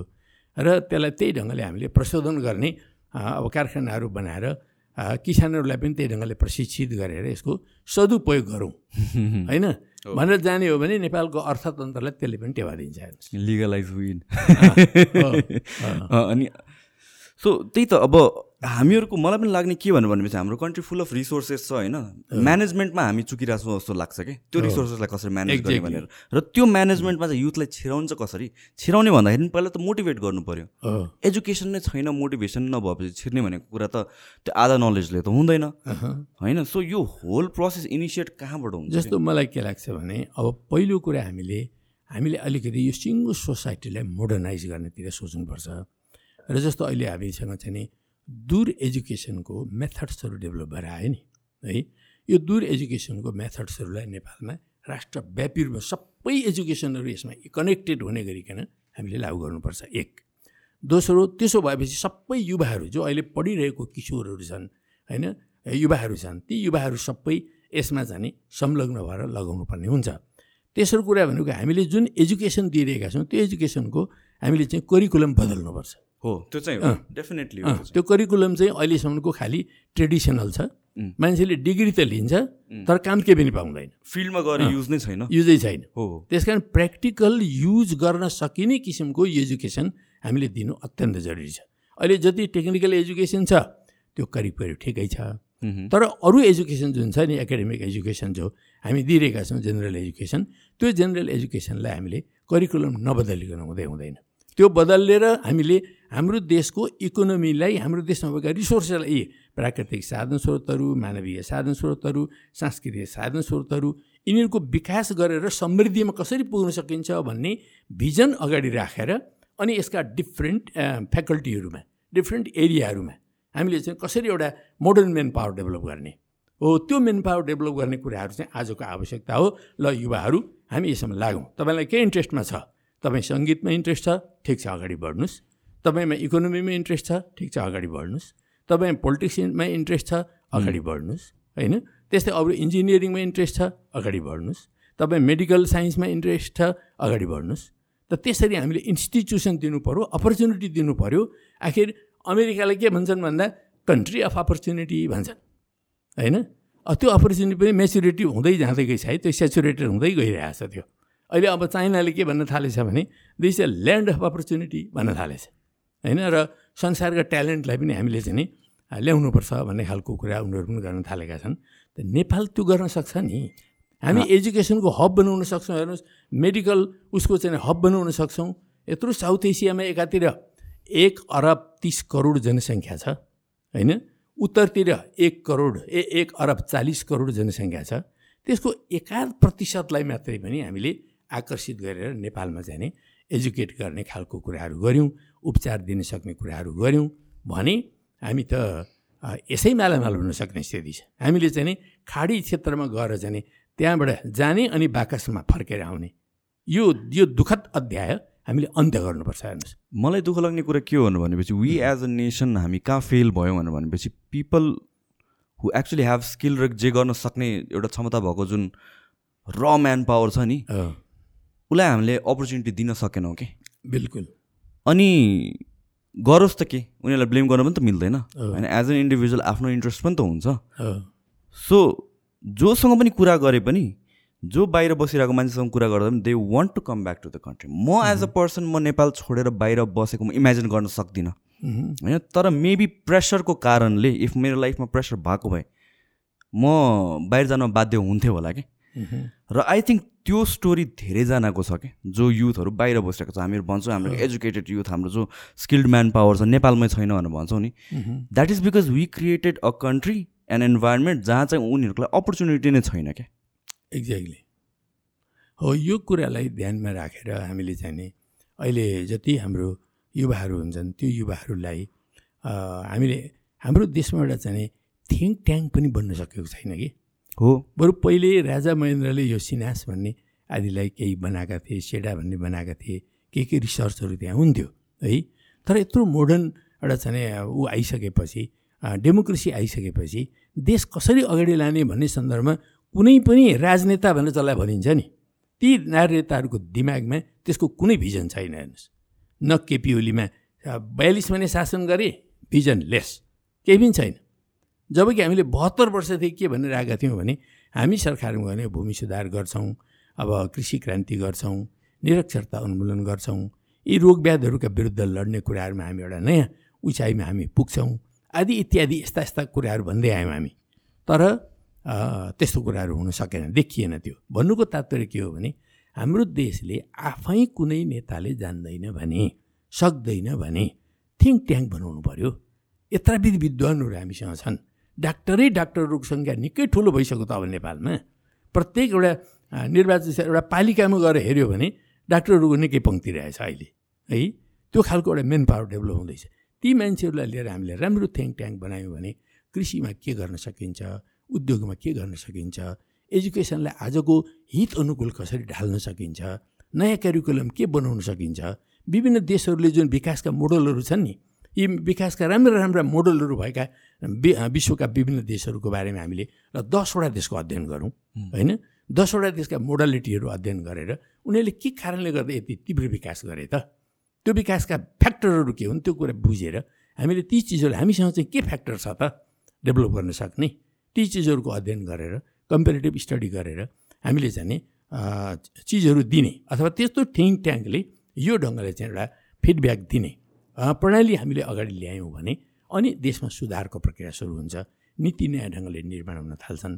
विकास निर्माणको प्रक्रियाले पनि अगाडि लान्छ। जस्तो अहिले अब यो एमसिसी ल्याउनुको लागि एनइएले निर्माण गरेको जुन चाहिँ एउटा लङ टर्म चाहिँ एउटा ऊ थियो नि हाम्रो चाहिँ के भन्छ? प्लान होइन मास्टर प्लान हजुर। त्यो मास्टर प्लानलाई रातारात बदलियो त्यसलाई ल्याउनुको लागि। रातारात बदलेर अनि त्यस पछाडि खम्चाङ र खुम्चो कोही पूर्व लगाएको छ कोही पश्चिमाथि उत्तर लगाएको छ फेरि दक्षिण ल्याएको छ कोही कता लगाएको छ कोही कता लगाएको छ। त्यस्तो रङ्गको चाहिँ झिकझ्याक खालको चाहिँ यो ट्रान्समिसन लाइन बनाउने निर्णयमा पुग्यो है? त त्यो एउटा त्यो त्यसले के भन्थ्यो भन्दाखेरि हाम्रो देशको आवश्यकता भनेको त पूर्वदेखि पश्चिमसम्मको चाहिँ नेसनल ग्रिड बनाउनुपर्छ अनि उत्तर दक्षिण जोड्नुपर्छ सबै पालिकाहरूमा पुर्याउने ढङ्गले लानुपर्छ। त्यसो गऱ्यो भने हामीले आफूले प्रयोग गर्ने इलेक्ट्रिसिटीमा त यति धेरै आवश्यकता छ हेर्नुहोस् प्रत्येक चुलोमा हामीले इलेक्ट्रिसिटी प्रयोग गऱ्यौँ भने कति विद्युत चाहिन्छ। त्यसरी प्रत्येक कारखानालाई हामीले हाम्रो देशको चाहिँ बिजुली प्रयोग गर्ने वातावरण बनायौँ भने कति बिजुली चाहिन्छ। अनि प्रत्येक चुलोमा होइन सबै ठाउँहरू जस्तो अब यातायातका क्षेत्रहरू छन् ती कुराहरूलाई पनि हामीले चाहिँ बिजुलीले चलाउन सक्यौँ भने हाम्रो देशको बिजुलीको ठुलो अंश त यहीँ खपत हुन्छ नि। अनि हामीले अहिले जसरी यो तेल किनिरहेका छौँ तेल भनेको यति महँगो कमोडिटी छ हाम्रो। अहिले हाम्रो जुन के अरे व्यापार घाटा छ खरबौँको व्यापार घाटा त्यो व्यापार घाटाको सबभन्दा ठुलो कन्ट्रिब्युसन भनेको त्यही तेलले गर्छ हेर्नुहोस्। त्यो कारणले गर्दा त्यसलाई चाहिँ हामीले घटाउन सक्यौँ भनेदेखि त व्यापार घाटा त सर्ट सर्ट सर्ट घटेर आउँछ तल। त्यस कारण हामीसँग यी साधन स्रोतहरू छन्। तर यी साधन स्रोतहरूको प्रयोग गर्न सिकाउने खालको एउटा भिजनफुल लिडरसिप हाम्रो देशले पाएन अहिलेसम्म। त्यो लिडरसिप अब निर्माण गर्नुपर्छ र त्यो निर्माण गर्ने काममा आजका युवाहरूको अत्यन्त ठुलो भूमिका हुन्छ। उहाँहरूले पहल कदमी लिनुपर्छ उहाँहरू सक्रिय हुनुपर्छ गतिशील हुनुपर्छ र सृजनशील भएर अगाडि बढ्नुपर्छ। नयाँ नेतृत्व निर्माण गर्ने काममा। यो थोत्रो नेतृत्वबाट अब देश अगाडि जाँदैन। यो म म पनि छक्क परेको कुरा के भनेर भनेपछि मैले रिसेन्टली रियलाइज गरेको छु कि हाम्रो जतिवटा डिफ्रेन्ट डिपार्टमेन्टहरू छ डिपार्टमेन्ट हेडहरू हुनुहुन्छ प्रपर एउटा एडभाइजरी एउटा स्किल्ड एडभाइजरी कमिटी छ जस्तो मलाई लाग्दैन। जुन हिसाबले हाम्रोमा पोलिसीहरू आउँछ। रिसेन्टली सुनिरहेको मैले एउटा कुरा भन्नु भनेको यो petroleum it is an issue huge issue हो होइन? तर त्यसलाई सल्भ गर्ने सल्युसन भनेको जोडबिजोड गरेर होइन नि त। र हाम्रो एभ्री प्रब्लमको सल्युसन किन जोडबिजोड आउँछ कि जे पनि कुरा गर्दाखेरि? जोडबिजोड त त्यो त सर्टन टाइमको लागि मात्र म्यानेज होला। लङ टर्म सल्युसन त होइन नि। अनि अब जस्तो कि बिगर पोलिसी पोलिसी इस्युजहरू जुन चाहिँ एकदम क्रिटिकल हुन्छ। फर इक्जाम्पल लकडाउनहरू यो कोभिडको बेलामा जुन गरियो यो त एकदमै सोचेर क्यालकुलेटेड वेमा यसको इम्प्याक्ट के हुन्छ त? भन्ने हिसाबले प्लान गर्नुपर्ने थियो जस्तो लाग्यो। तर अगाडि जे छ त्यो ठ्याप्प अगाडि त्यही सल्युसनलाई मात्र अप्नाएर त हुँदैन। सो यो एक्सपर्ट एडभाइस भन्ने डिफ्रेन्ट डिपार्टमेन्ट्समा छ जस्तो मलाई लाग्दैन। छैन। यहाँसम्म कि जस्तो अब म पटक पटक मन्त्री भएँ प्रधानमन्त्री भएँ हामीले म सञ्चार मन्त्री भएको बेलामा अरू सञ्चार मन्त्रीले के के काम गरिरहेका छन् त्यसको ल्याउनुहोस् त भने त काहीँ रेकर्डै छैन। रेकर्डै छैन। रेकर्डको सिस्टमसम्म पनि छैन हाम्रो। के गरियो के गरियो? अब त्यस्तै क्याबिनेटमा क्याबिनेट भनेको अर्को महत्त्वपूर्ण हो। त्यो क्याबिनेटले गरेका निर्णयहरूको रेकर्ड। त्यो पनि बडो दुर्लभ हुँदो रहेछ। है? यस्तो चिजहरू। त्यस्तै अब ल खड्गप्रसाद शर्मा ओली प्रधानमन्त्री भए। प्रधानमन्त्री भएको बेलामा उनले भारतको गुप्तचर का प्रमुखसँग वार्ता गरे। है? आधारात्मक वार्ता गरे कति घन्टा वार्ता गरे तर कुनै पनि देशको प्रधानमन्त्रीले कुनै पनि देशका अरू मान्छेहरूसँग वार्ता गर्छन् भने त्यसको रेकर्ड हुन्छ मेमोरी हुन्छ है राख्नुपर्छ। जस्तो अब अलि अलि अघिल्लो कालखण्डमा र म प्रधानमन्त्री हुँदाखेरि हाम्रो उपेन्द्र के अरे यादव चाहिँ विदेश मन्त्री हुनुहुन्थ्यो। उहाँलाई मैले भनेँ कि अब यो खालको चाहिँ एउटा सबैको भेटघाटहरूलाई हामी रेकर्डेड गरौँ। कुनै पनि विदेशीहरू आएर हाम्रो देशका नेताहरूसँग भेट्छ भने उनीहरूलाई त्यहाँ परराष्ट्र मन्त्रीको चाहिँ परराष्ट्र मन्त्रालयको चाहिँ प्रतिनिधि त्यहाँ हुनु पऱ्यो वार्ताको रेकर्ड बनाउनु पऱ्यो त्यो रेकर्ड मेन्टेन गर्नु पऱ्यो त्यसो गर्दा मात्रै हाम्रो देशको एउटा मेमोरी के हो त भन्ने कुरा स्पष्ट हुन्छ। कुनै पनि बेलामा त्यसबारेमा अनुसन्धान गर्नु पऱ्यो अथवा कस कतै विवाद निस्क्यो भने पनि त्यो कुरोलाई हेरेर हामीले हल गर्न पनि सजिलो हुन्छ। त्यहाँबाट सिक्न पनि सजिलो हुन्छ। त्यसो हुनाले यो काम गर्नु पऱ्यो भनेर भनियो। तर जस्तो अब अहिले अब खड्गप्रसाद शर्मा ओलीले त्यो चाहिँ नि उसँग कुराकानी गरेको कुरा कहीँ रेकर्डै छैन हेर्नुहोस्। कुनै मेमोरी छँदै छैन। न त्यति बेला कमसेकम पार्टीलाई मात्रै सूचना गरेको भए रिपोर्ट गरेको भए पनि अँ यस्तो भएको कुरा रहेछ भनेर हामीसँग रेकर्ड हुनसक्थ्यो है कम्ती कम्ती हाम्रो नोटहरू बनाउन सक्थ्यौँ होला हामी। त्यो पनि छैन हेर्नुहोस्। के भयो के भयो? अब भोलि गएर होइन हामीले त पिकनिकको कुरा गरिदिउँ भन्ने पनि भएकै छ होइन? जे भन्ने पनि भएकै छ। त्यसो हुनाले अब यस्तो खालकोमा गैर जिम्मेदारीपूर्ण स्वयं आफ्ना सर्वोच्च नेताहरूमा यो भएको हुनाले हाम्रो देश चाहिँ अहिलेसम्म अगाडि बढ्न नसक्नुको कारण त्यो हो। अहिले हामीले संविधान जो बनाएका छौँ संविधान ठिकै छ तुलनात्मक रूपले राम्रै संविधान छ तर यो संविधानका मर्म भावना यसको जे भिजन छ त्यो आधारमा चाहिँ नि अब नयाँ ढङ्गले पोलिसी निर्माण गरेर प्रोग्राम निर्माण गरेर प्लानिङ गरेर यो देशलाई अगाडि बढाउने एउटा इन्भिजनिङ गर्ने चाहिने काम या त थिङ ट्याङ्कले बनाएर गराउनु पऱ्यो र त्यसले अगाडि बढ्नु पऱ्यो या स्वयं यो कुरामा अलिकति पा पारख भएको एउटा भिजन भएको लिडर अगाडि आउनु पऱ्यो र उसले काम गर्नु पऱ्यो र अब चाहिँ मलाई के लाग्छ भन्दाखेरि हाम्रो देशका युवाहरू अब धेरै कुराहरूमा अब अलिक शिक्षित दीक्षित हुँदै गएका छन् अनुभवी पनि हुँदै गएका छन्। उनीहरूले नेतृत्व पनि एकपछि अर्को नेतृत्व देखेका छन् है?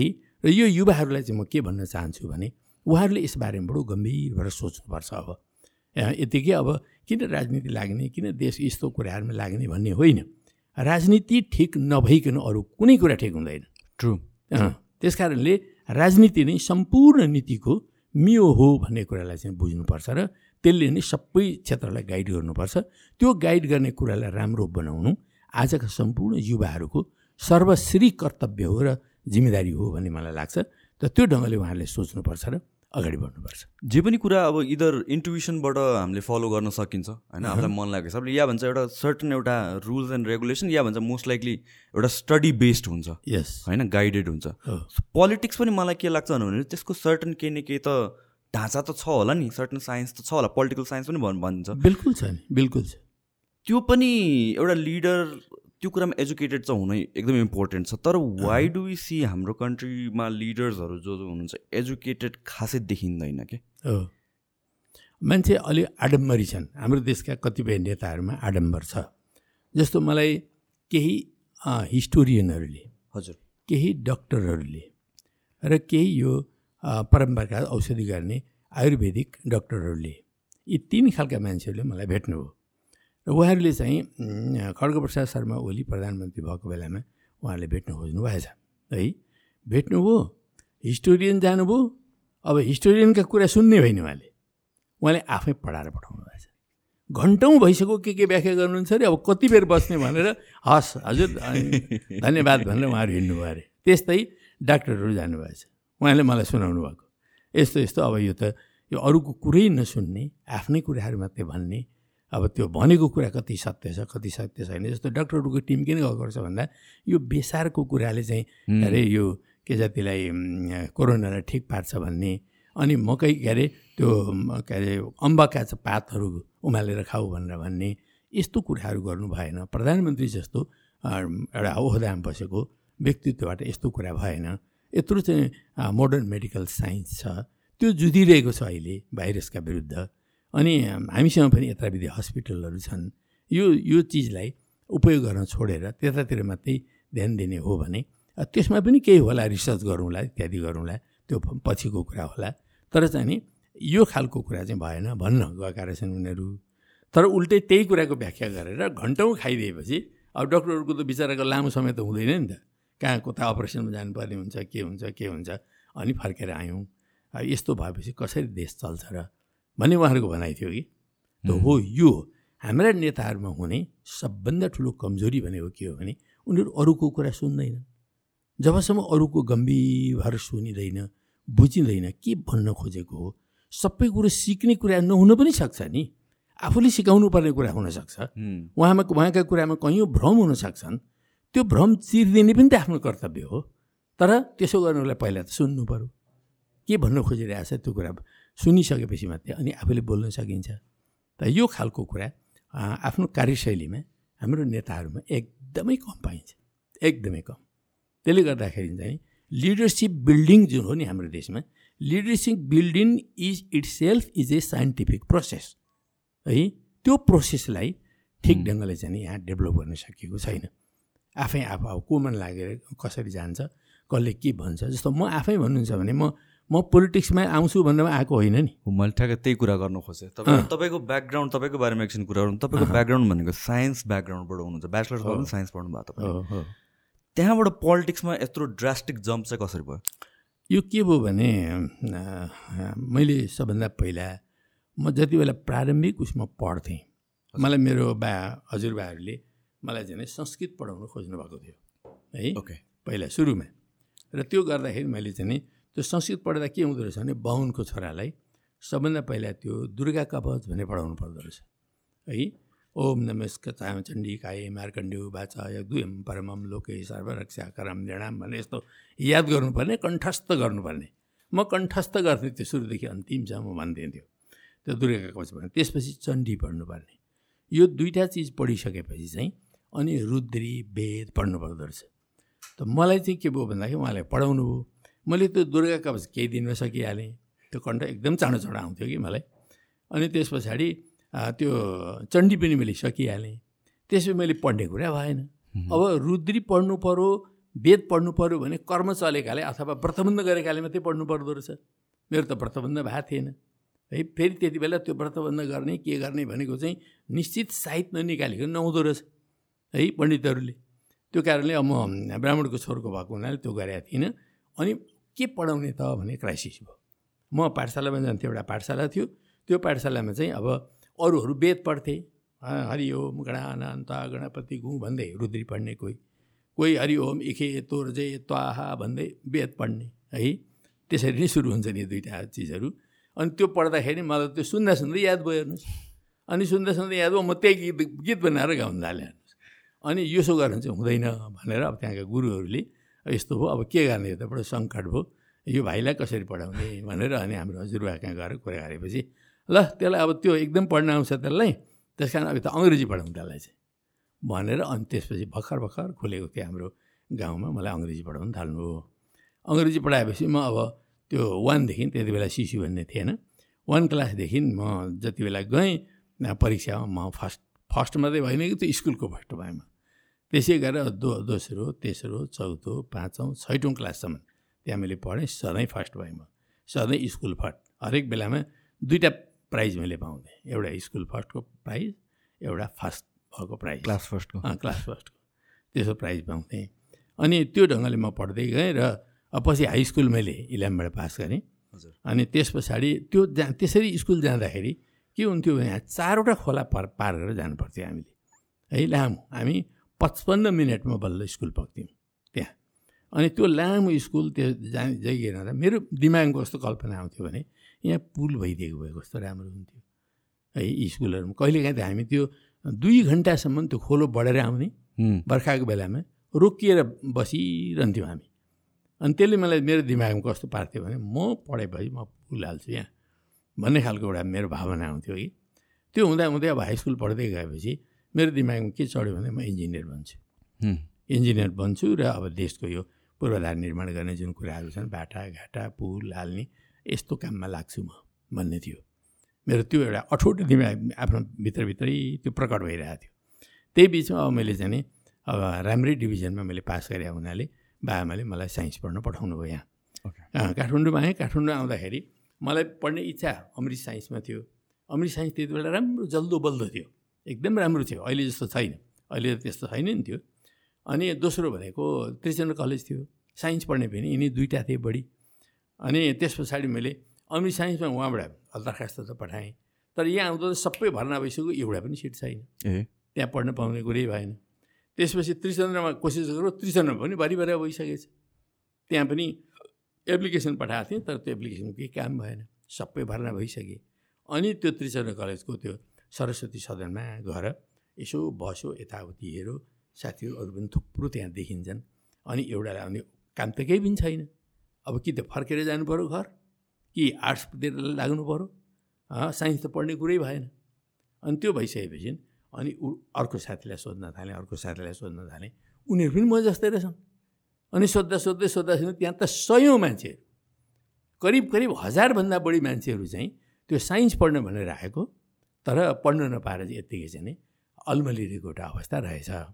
अनि हामी मेरो पालो चाहिँ ल साथीहरू हामी चाहिँ नि सब बेला हौँ र हामीले किन पढ्न नपाउने? त यो क कलेजसँग चाहिँ हामीले अरू जति यहाँ सिट दिएको छ त्योभन्दा बढी सिट मागौँ। हामीले किन पढ्न नपाउने? उहाँदेखि म मेचीदेखि आएको छु इलामदेखि आएको छु। तपाईँ कहाँदेखि कोही गोर्खादेखि आएको छन् कोही उता अछामदेखि आएको छन् होइन? पूर्व र पश्चिमबाट आएको छन्। त्यो स्थिति देखेपछि अनि त्यसपछि हामीले प्रत्येक दिन भेला हुन थाल्यौँ। उनीहरूमा पनि उत्साह आयो मैले त्यस्तो कुरा गरेपछि। म त कुनै पोलिटिसियन म पोलिटिसियन केही पनि थाहा थिएन मलाई त्यति बेला। साँच्चै भने तर पनि म कतिसम्म चाहिँ गर्थेँ भन्दा म अलिकति समाजवाद चाहिँ ठिक हो कि भन्ने एउटा चाहिँ मा रामारिमी थियो किनभने म बिस सालदेखि एउटा पत्रिका मलाई एउटा साथीले ग्राहक बनाइदिएको थिएँ चिन सचित्र भन्ने पत्रिका।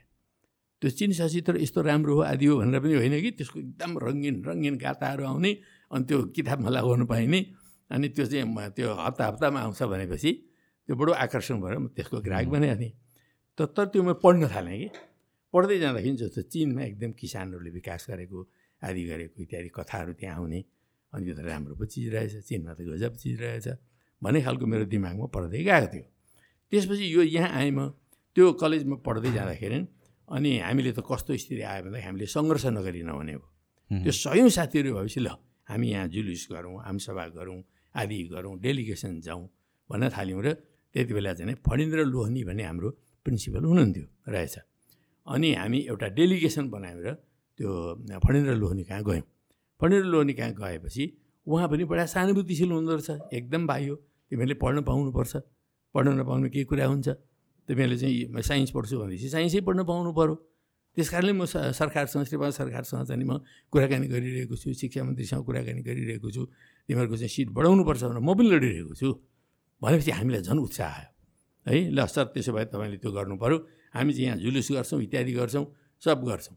भनेपछि ठिक छ तोडफोड नगर अरू कुराहरू गर भन्ने खालको कुरा गरे उनले। उनीबाट चाहिँ सहयोगी रहेछन्। अनि हामीलाई पनि प्रोत्साहन भयो। त्यसपछि हामीले अरू त्यहाँका रेगुलर विद्यार्थीहरू जो नि आइएससी पढ्ने बिएससी पढ्ने दाईहरूसँग पनि हामीले कुराकानी गऱ्यौँ र अनि उनी उहाँहरूले पनि हामीलाई साथ दिनुभयो। त्यो क्लास क्लासमा पिकेटिङ गरेर हामीले भाषणहरू गर्न सुरु गऱ्यौँ। त्यो भएपछि अलिक ठुलै हङ्गामा भयो त्यहाँ। त्यो हङ्गामा भइसकेपछि अनि एक दिन चाहिँ नि के अरे शिक्षा मन्त्रालयले त्यो बढाउने कुराहरू गर्यो।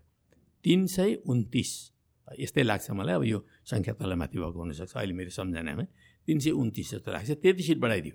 ए। है त्यति सिट बढाएपछि अब मान्छे त थुप्रो थियौँ त्यहाँ। हजारभन्दा बढी थियौँ। तैपनि कम्पिटिसन गरेर हामी त्यसपछि भर्ना भएर पढ्यौँ। पढ्दाखेरि म अब त्यो क्लासको चाहिँ मेरो म्याथमेटिक्स स्ट्याटिक्स आदि लिएर मैले पढेँ होइन। त्यो पढ्दाखेरि म चाहिँ नि त्यो के अरे आइएसीमा चाहिँ पढ्दाखेरि चाहिँ म क्लासको फर्स्ट सेकेन्ड कतिपय धेरै विषयमा म फर्स्ट थिएँ अनि सेकेन्ड त्यो हो म। अनि मलाई के थियो भन्दाखेरि अब एक्जामिनेसनमा म सहज ढङ्गले नै फर्स्ट डिभिजन त ल्याइहाल्छु। त्यस पछाडि म इन्जिनियर बन्छु। स्वाभाविक रूपले भन्ने खालको मेरो आत्मविश्वास थियो। तर परीक्षा भएको बेलामा के भयो भने आइसक्यो हेर्नुहोस् परीक्षा भएको बेलामा चाहिँ नि आज एक पेपर सिद्धियो राम्रो छ। भोलि अर्को पेपर सिद्धियो गजब छ। पर्सिपल्टकोमा चाहिँ पर्सि निकुर्सीपल्टकोमा चाहिँ केमिस्ट्री थियो। केमिस्ट्रीको बेलामा चाहिँ एउटा मात्रै प्रश्न सम्भवतः त्यो कति कति साथीहरूले पढ्नु भएको थिएन।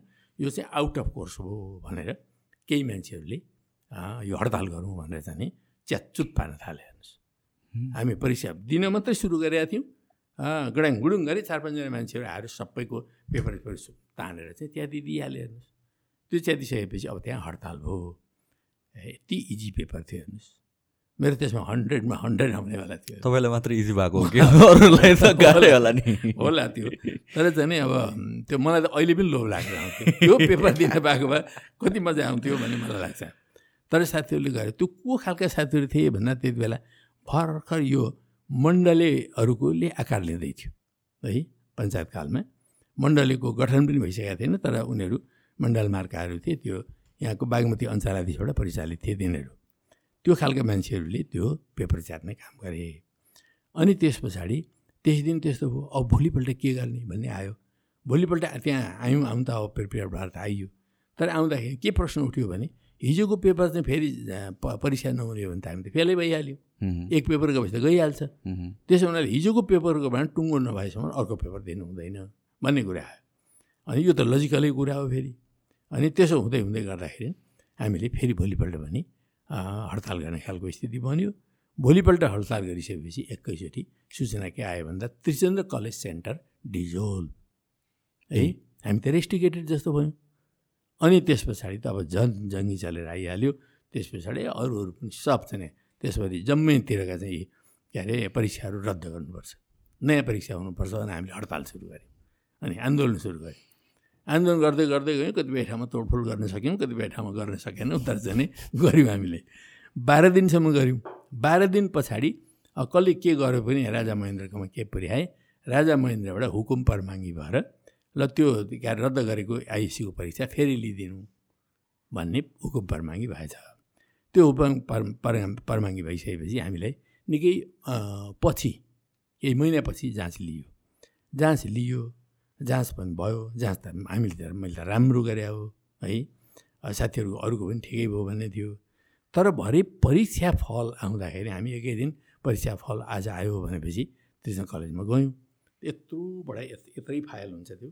त्यो फाइलमा चाहिँ यहाँदेखि परसम्म सबै साथीहरूको धेरैको चाहिँ अङ्ग्रेजी फर्स्ट पेपर र सेकेन्ड पेपरमा रेड वरेदेखि परसम्म। सबलाई फेल। हेर्नुहोस् जम्मा जम्मी त्यति बेला पाँचजना पास भएछौँ हामी। म लगायत है? अब मेरो expectation first division one two ten अनि त्यस पछाडि राम्रो डिभिजनमा पास गर्छु भने यसै थियो। कम्तीमा त्यो टेनमा नभए पनि राम्रो डिभिजनमा पास हुनु पर्थ्यो फर्स्ट डिभिजन त यसै आउनु पर्थ्यो। तर अब आफ्नो पनि छैन भाइ डिभिजन डिभिजन केही पनि छैन जस्ट पास गरेको छ तर हामी पाँचजना पास अरू सबै के कारणले त्यस्तो भएको? अब त्यो कारणै कसैले भन्दै भन्दैन नि। त्यो हामीलाई रेटेको अरू केही पनि होइन। रेटियो हामीले। रेटियो र त्यो रेटियो भन्ने नै निष्कर्ष निकाल्यौँ सुरुमा जाने बित्तिकै। पनि यो होल थिङमा इन्भल्भ भएको कारणले? सम्भवतः त्यो हडताल गरे आदि गरे इत्यादि गरे भन्ने हिसाबले त्यसलाई विशेष ढङ्गले हेरिकन त्यो हामीलाई चाहिँ सजाय दिएको हो भन्ने निष्कर्ष हामी सबै पुग्यौँ त्यहाँ। जति मान्छेहरू थियौँ त्यो पुग्यौँ। त्यस पछाडि भयो भने एकाडेमिक स्टडीप्रति मेरो चाहिँ एकदमै नफरत बढेर गयो। अब मेरो त्यसै दिन त्यो जुन रिजल्ट पाएँ पास त भएको छु म तर पास भयो भने म पास भएको भने मलाई कतै लाग्दै लागेन। म मलाई फेलै गरेँ रेटियो भन्ने नै लाग्यो। अनि त्यस पछाडि अब यस्तो खालको एजुकेसन सिस्टम भएको ठाउँमा अब पढेर के हुन्छ?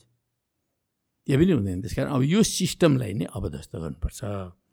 अब चाहिँ नि यो सिस्टमले काम गर्दैन देशमा भन्ने लागेपछि यो पञ्चायती आदि इत्यादि सबै कुराहरूबाट भएको हो। यद्यपि अब त्यहाँभित्र बस्दाखेरि हामीले त्यो सोबियो मात्रै गठन गर्नु पनि दिएन क्या त्यहाँ? हामीमाथि यत्रो हमला थियो त्यति बेला यति धेरै कुटपिट आदि इत्यादि लडन्त भिडन्त त्यो सबै पृष्ठभूमिमै यो आएको हो कि? अनि त्यो भएको हुनाले अब चाहिँ नि मैले त्यसै दिनबाट सङ्कल्प गरेँ अब मैले चुप लागेर बस्ने कुरा छैन अब म पोलिटिक्समा जान्छु। भने मैले त्यो इन्जिनियर बन्ने सपना सपना मेरो सब स्याटर्ड हो र चाहिँ त्यस पछाडि म यतातिर लागेँ।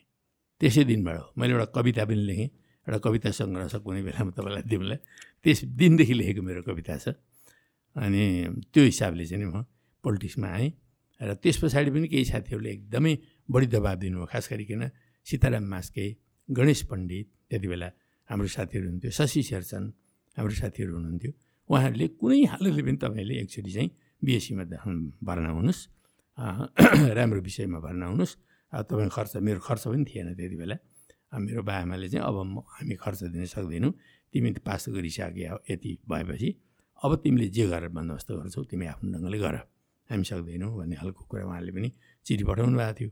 अनि मैले त्यो पनि भने साथीहरूलाई म त अब घरतिर जान्छु अथवा अरू कुनै जागिर सागिर खोज्छु। भन्ने अवस्थामा थिएँ।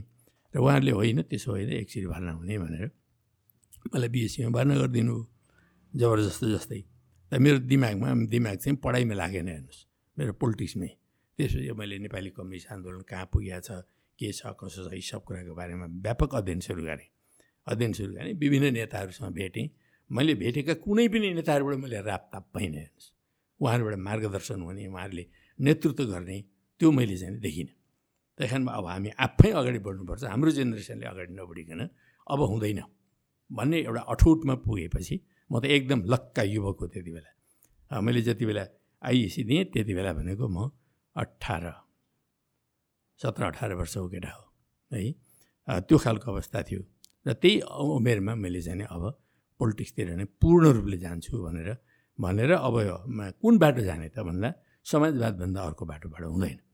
आखिरमा हामीले समाजवादतर्फै जानुपर्छ। पुँजीवादले काम गर्दैन।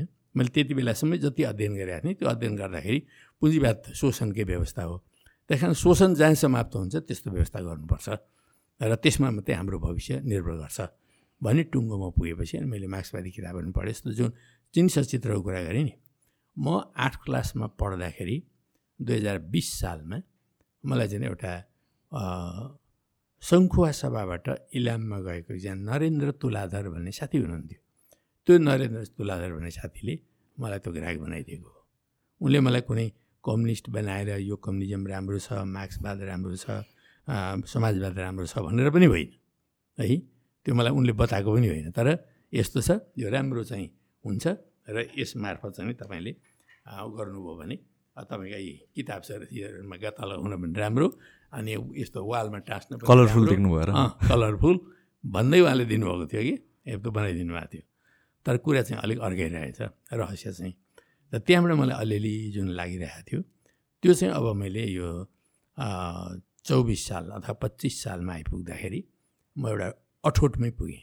अब मैले त्यही बाटोमा जानुपर्छ भनेर त्योभन्दा अलि अगाडि यही त्रिचनमा पढ्दा पढ्दै पहिले सुरुमा त यता यो काठमाडौँभरि हिँड्न पनि गाह्रो लाग्थ्यो कि? किन कुन गल्लीमा गएपछि फेरि फर्केर आइन्छ कि? आइँदैन भने जस्तो लाग्थ्यो। गाउँबाट आएको केटा न हो हराइन्छ कि भन्ने डर हुन्थ्यो। सुरु सुरुमा आई थिङ्क सबै आउने मान्छे सबैलाई म पनि बिरगन्जबाट हो खासमा चाहिँ। अनि सुरु सुरुमा आउँदाखेरि बाटो ठमेलको बाटो बस्नुपुरको बाटोहरू हराइन्छ कि जस्तो लाग्ने कि जहिले पनि। त्यस्तो खालको स्थिति हुन्थ्यो। अनि म डराइ डराइ जान्थेँ अनि एक दिन त्यो यता रानी पोखरीबाट के हो के भोटाइटीको उसमा गएँ. त्यो भोटाइटीको ठ्याक्कै अगाडिपछि एउटा आरके रेस्टुरेन्ट भन्ने थियो। हामी सधैँ त्यहाँबाट विद्यार्थीहरू आउँथ्यौँ पन्ध्र बिसजना आउँथ्यौँ आरके रेस्टुरेन्टमा बस्थ्यौँ। त्यो आरके रेस्टुरेन्टलाई एउटा ठुलो जेरी बनाउँथ्यो कि एकवटा जेरी खाँदाखेरि टन्ने अगाडिन्थ्यो अनि हामी जहिले पनि त्यहाँ आउँथ्यौँ जेरी खान्थ्यौँ। एक दिन चाहिँ त्यो जेरी सेरी खाइसकिएर अनि अलि भित्रसम्म जाउँ न हो के रहेछ यहाँ भनेर अलि भित्रसम्म त भोटाडीसँग यत्रो भित्र पस्दै गर्दाखेरि ठ्याक्क त्यो चिनी सचित्र चार पाँचवटा चाहिँ यसरी लहरै राखेको एउटा दोकान देखेँ मैले. ओहो यहाँ पो पाउँदो रहेछ यो चिन सचित्र भन्ने त भन्ने लागेर अनि त्यहाँ गएँ। त्यहाँ गएर यसो भित्र हेरेको भित्र हेर्दाखेरि एकजना मान्छे यसो बसिरहेको देखेँ। अनि यसो हेरिरहेको देखेपछि उनले ए भाइ के केही चाहियो? भने। मैले यहाँ हेर्दैछु भने। अनि भित्र आउनुहोस् न भने। भित्र गएको तिमी चाहिँ को रहेछन् भन्दाखेरि अँ, के अरे निरञ्जन गोविन्द वैद्य रहेछन् निरञ्जन गोविन्द वैद्य भनेको नेपाल कम्युनिस्ट पार्टीको एकजना संस्थापक पनि हुन्। उनी त्यति बेला चाहिँ व्यापार गरेर बस्दा रहेछन् त्यही किताबहरू बिचारेर बस्दा रहेछन् अनि उनले मलाई छेउमा राखेर कहाँबाट आएको भने इलामबाट आएको भने इलाम कहाँ भने म साँखेजुङबाट भने ओहो ज्ञानीराम भट्टराईको गाउँबाट हो भने हो भने ज्ञानी भट्टराई म राम्रो जान्दैथेँ इलामको त्यति बेलाको कम्युनिस्ट पार्टीको नेता ज्ञानीराम भट्टराई हो है। उनी हाम्रै गाउँकै मान्छे हुन्। अनि उनकोमा हामी आती जाति गइरहन्थ्यौँ अनि उनको बारेमा सोधेँ उनले त्यो ज्ञानराम भट्टराईकोमा गएर तिनी एकचोटि एक महिनाभन्दा बढी Yeah. है अनि त्यो कारणले उनलाई इन्ट्रेस्ट भयो। अनि त्यसो भए उनीहरूले उन त्यहाँबाट आएको विद्यार्थी तिमीलाई यो पढ्न मन लाग्यो भने ल तपाईँ लानुहोस्। म के के पढ्नुहुन्छ? म सबै तिमीलाई दिन्छु तपाईँलाई दिन्छु भनेर उनले चाहिँ मलाई विभिन्न किताबहरू दिए अनि त्यो किताबहरूको श्रृङ्खला लिएर गएपछि अब के छ भनेर मैले आफूले अध्ययन गर्न थालेँ। त्यही अध्ययन गर्ने सिलसिलामा म चाहिँ कम्युनिस्ट भएँ हेर्नुहोस् समाजवादी भएँ र मार्क्सवादप्रति मेरो आकर्षण बढ्यो अनि त्यसले मलाई धेरै मद्दत पनि गर्यो अनि मैले आफैले मलाई अरू कुनै गुरुले मलाई मार्क्सवाद पढाएको होइन। म आफैले यस्तो एउटा चाहिँ संयोगले परिस्थितिले मैले अध्ययन गरेँ अध्ययन गर्दै गएँ म। अध्ययनमा अलिकति रुचि राख्ने मान्छे पनि हो। त्यो कारणले अध्ययन रुचि भएन भने त हुँदैन। कुनै पनि मान्छेले यस्तो मलाई के लाग्छ भने अध्ययन के गर्ने? भन्छ नि मान्छेले। के अध्ययन गर्दा राम्रो हुन्छ? भन्दाखेरि म चाहिँ के भन्छु भने तिनवटा कुरा अध्ययन गर्नुपर्दो रहेछ। पहिलो कुरो आफू कतातिर जाने हो? जस्तो अब समाजवादतर्फ जानुपर्छ भन्ने हो भने मार्क्सवादको बारेमा समाजवादको बारेमा गहिरो अध्ययन गर्नैपर्छ गहन अध्ययन गर्नैपर्छ त्यो सैद्धान्तिक ज्ञान भएन भने मान्छे अगाडि बढ्न सक्दैन। एउटा कुरा यो अध्ययन हो। दोस्रो कुरा चाहिँ आफ्नो इतिहासको अध्ययन हुनुपर्छ। यो अब आफ्नै बारेमा पनि म कहाँ जन्मेँ कहाँ हुर्केँ अहिले यो ठाउँमा आइपुगेँ अब कता जाने हो यो बारेमा स्पष्ट एउटा इतिहासको आधारमा आफूले अगाडि बढ्ने बाटो रोज्नुपर्छ। इतिहासको आधारमा वर्तमान बन्छ वर्तमानको आधारमा भविष्य बन्ने हो। त्यसो हुनाले त्यो कुरालाई बुझ्नु पऱ्यो त्यस्तै अब नेपालको इतिहासको बारेमा नेपाली कम्युनिस्ट आन्दोलनको इतिहासको बारेमा नेपालको लोकतान्त्रिक आन्दोलनको इतिहासको बारेमा यी चिजहरूको गहिरो ज्ञान हामीसँग हुनैपर्छ इतिहासको ज्ञान। त्यस्तै सकिन्छ विश्व इतिहासको ज्ञान विश्व कम्युनिस्ट आन्दोलनको ज्ञान होइन? विश्वको लोकतान्त्रिक आन्दोलनको ज्ञान। कसरी विश्व रूपान्तरित हुँदै जे हिजो आलिम साम्यवादी कसरी रूपान्तरित हुँदै आयो समाज? हो यी चिजहरूको बारेमा ज्ञान। यो इतिहासको ज्ञान दोस्रो ज्ञान चाहिँ नि हामीले एकदम अध्ययन गर्नै पर्ने। तेस्रो कुरा मलाई के लागेको छ भन्दाखेरि परिस्थितिको अध्ययन। जस्तो विश्वको परिस्थिति सधैँ एउटै त रहँदैन Mhm. छिन छिनमा बदलिरहेको हुन्छ। यो बदलिरहेको परिस्थितिको अध्ययन जस्तो देशकै पनि बदलिरहेको परिस्थितिको अध्ययन। अब आफ्नै वरिपरिको इन्भाइरोमेन्टको पनि बदलिरहेको अध्ययन। यो हामीले पढिरहेको ज्ञानकै कुरा गर्ने हो भने हामी जुन प्रकारको करिकुलम पढ्थ्यौँ अहिले त्यो करिकुलम छैन है? अलि बेग्लै भयो। तर अझै यो पर्याप्त छैन योभन्दा मोडर्न करि करिकुलम हामीलाई चाहियो। हामी त्यो भनिरहेका छौँ। मोर एउटा प्र्याक्टिकल खालको चाहिँ नि हाम्रो प्र्याक्टिससँग जोडिने खालको करिकुलम चाहियो। हामी त्यो भनिरहेका छौँ। हो यस्तो खालको कुराहरूको बारेमा हामीले अध्ययन गर्नुपर्छ। यी तिनवटा चिजहरू एउटा सैद्धान्तिक अध्ययन एउटा इतिहासको अध्ययन एउटा चाहिँ परिस्थितिको अध्ययन जो परिस्थिति भनेको निरन्तर डेभलप भइरहेको हुन्छ। त्यो डेभलप भइरहेको चिजको एक एक चिजहरू हामीले अध्ययन गरिरह्यौँ हाम्रो दिमागले अध्ययन गरिरह्यो भने हामी अपडेटेड हुन सक्छौँ। न त हामी चाहिँ अब्सोलिट भइहाल्छ।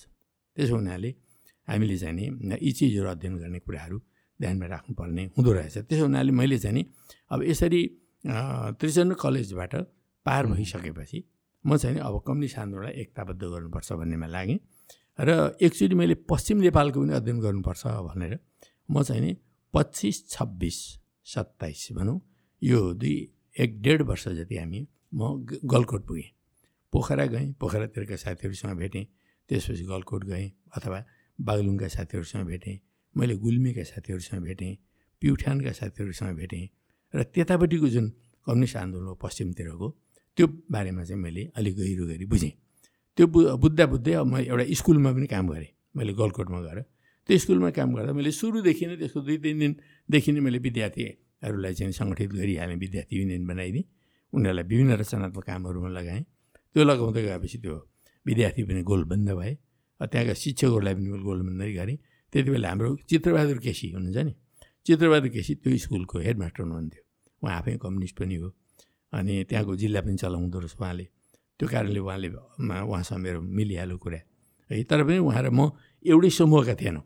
म अर्कै समूहमा अर्कै समूहमा। त्यस्तो थियो। तर म चाहिँ अब पुरै सिँगै कम्युनिस्ट आन्दोलनलाई कसरी एकताबद्ध गर्न सकिन्छ भन्ने पक्षको मान्छे। उहाँ चाहिँ अलि बिस्तारी बिस्तारी एउटा समूहतर्फ उहाँ लाग्ने एउटा इन्क्लाइनेसनको उहाँको रहेछ। अनि त्यो भयो त्यो तर त्यसो गर्दै जाँदाखेरि त्यहाँको विद्यार्थीहरू पनि आन्दोलित भए किसान आन्दोलित भए विभिन्न ढङ्गले आन्दोलन सुरु भयो। त्यसले गर्दाखेरि त्यहाँको प्रशासनले मलाई खप्न थाम्नै सकेन। माने खप्नै सकेन भनौँ। अनि तुरुन्तै गिरफ्तार गरेर बागलुङ जेलमा राख्यो। त्यो राखिसकेपछि केही महिना त्यहाँ बसेँ म। अनि पछि गएर त्यहाँबाट निष्कासित अञ्चल निष्कासित गरेर तुरुन्तै मेची अञ्चलमा गएर आफ्नो जिल्लामा उपस्थित हुनुपर्ने अन्त कहीँ जान नपाइने भनेर चाहिँ त्यहाँबाट निष्कासन गरेर त्यहाँ ल्यायो।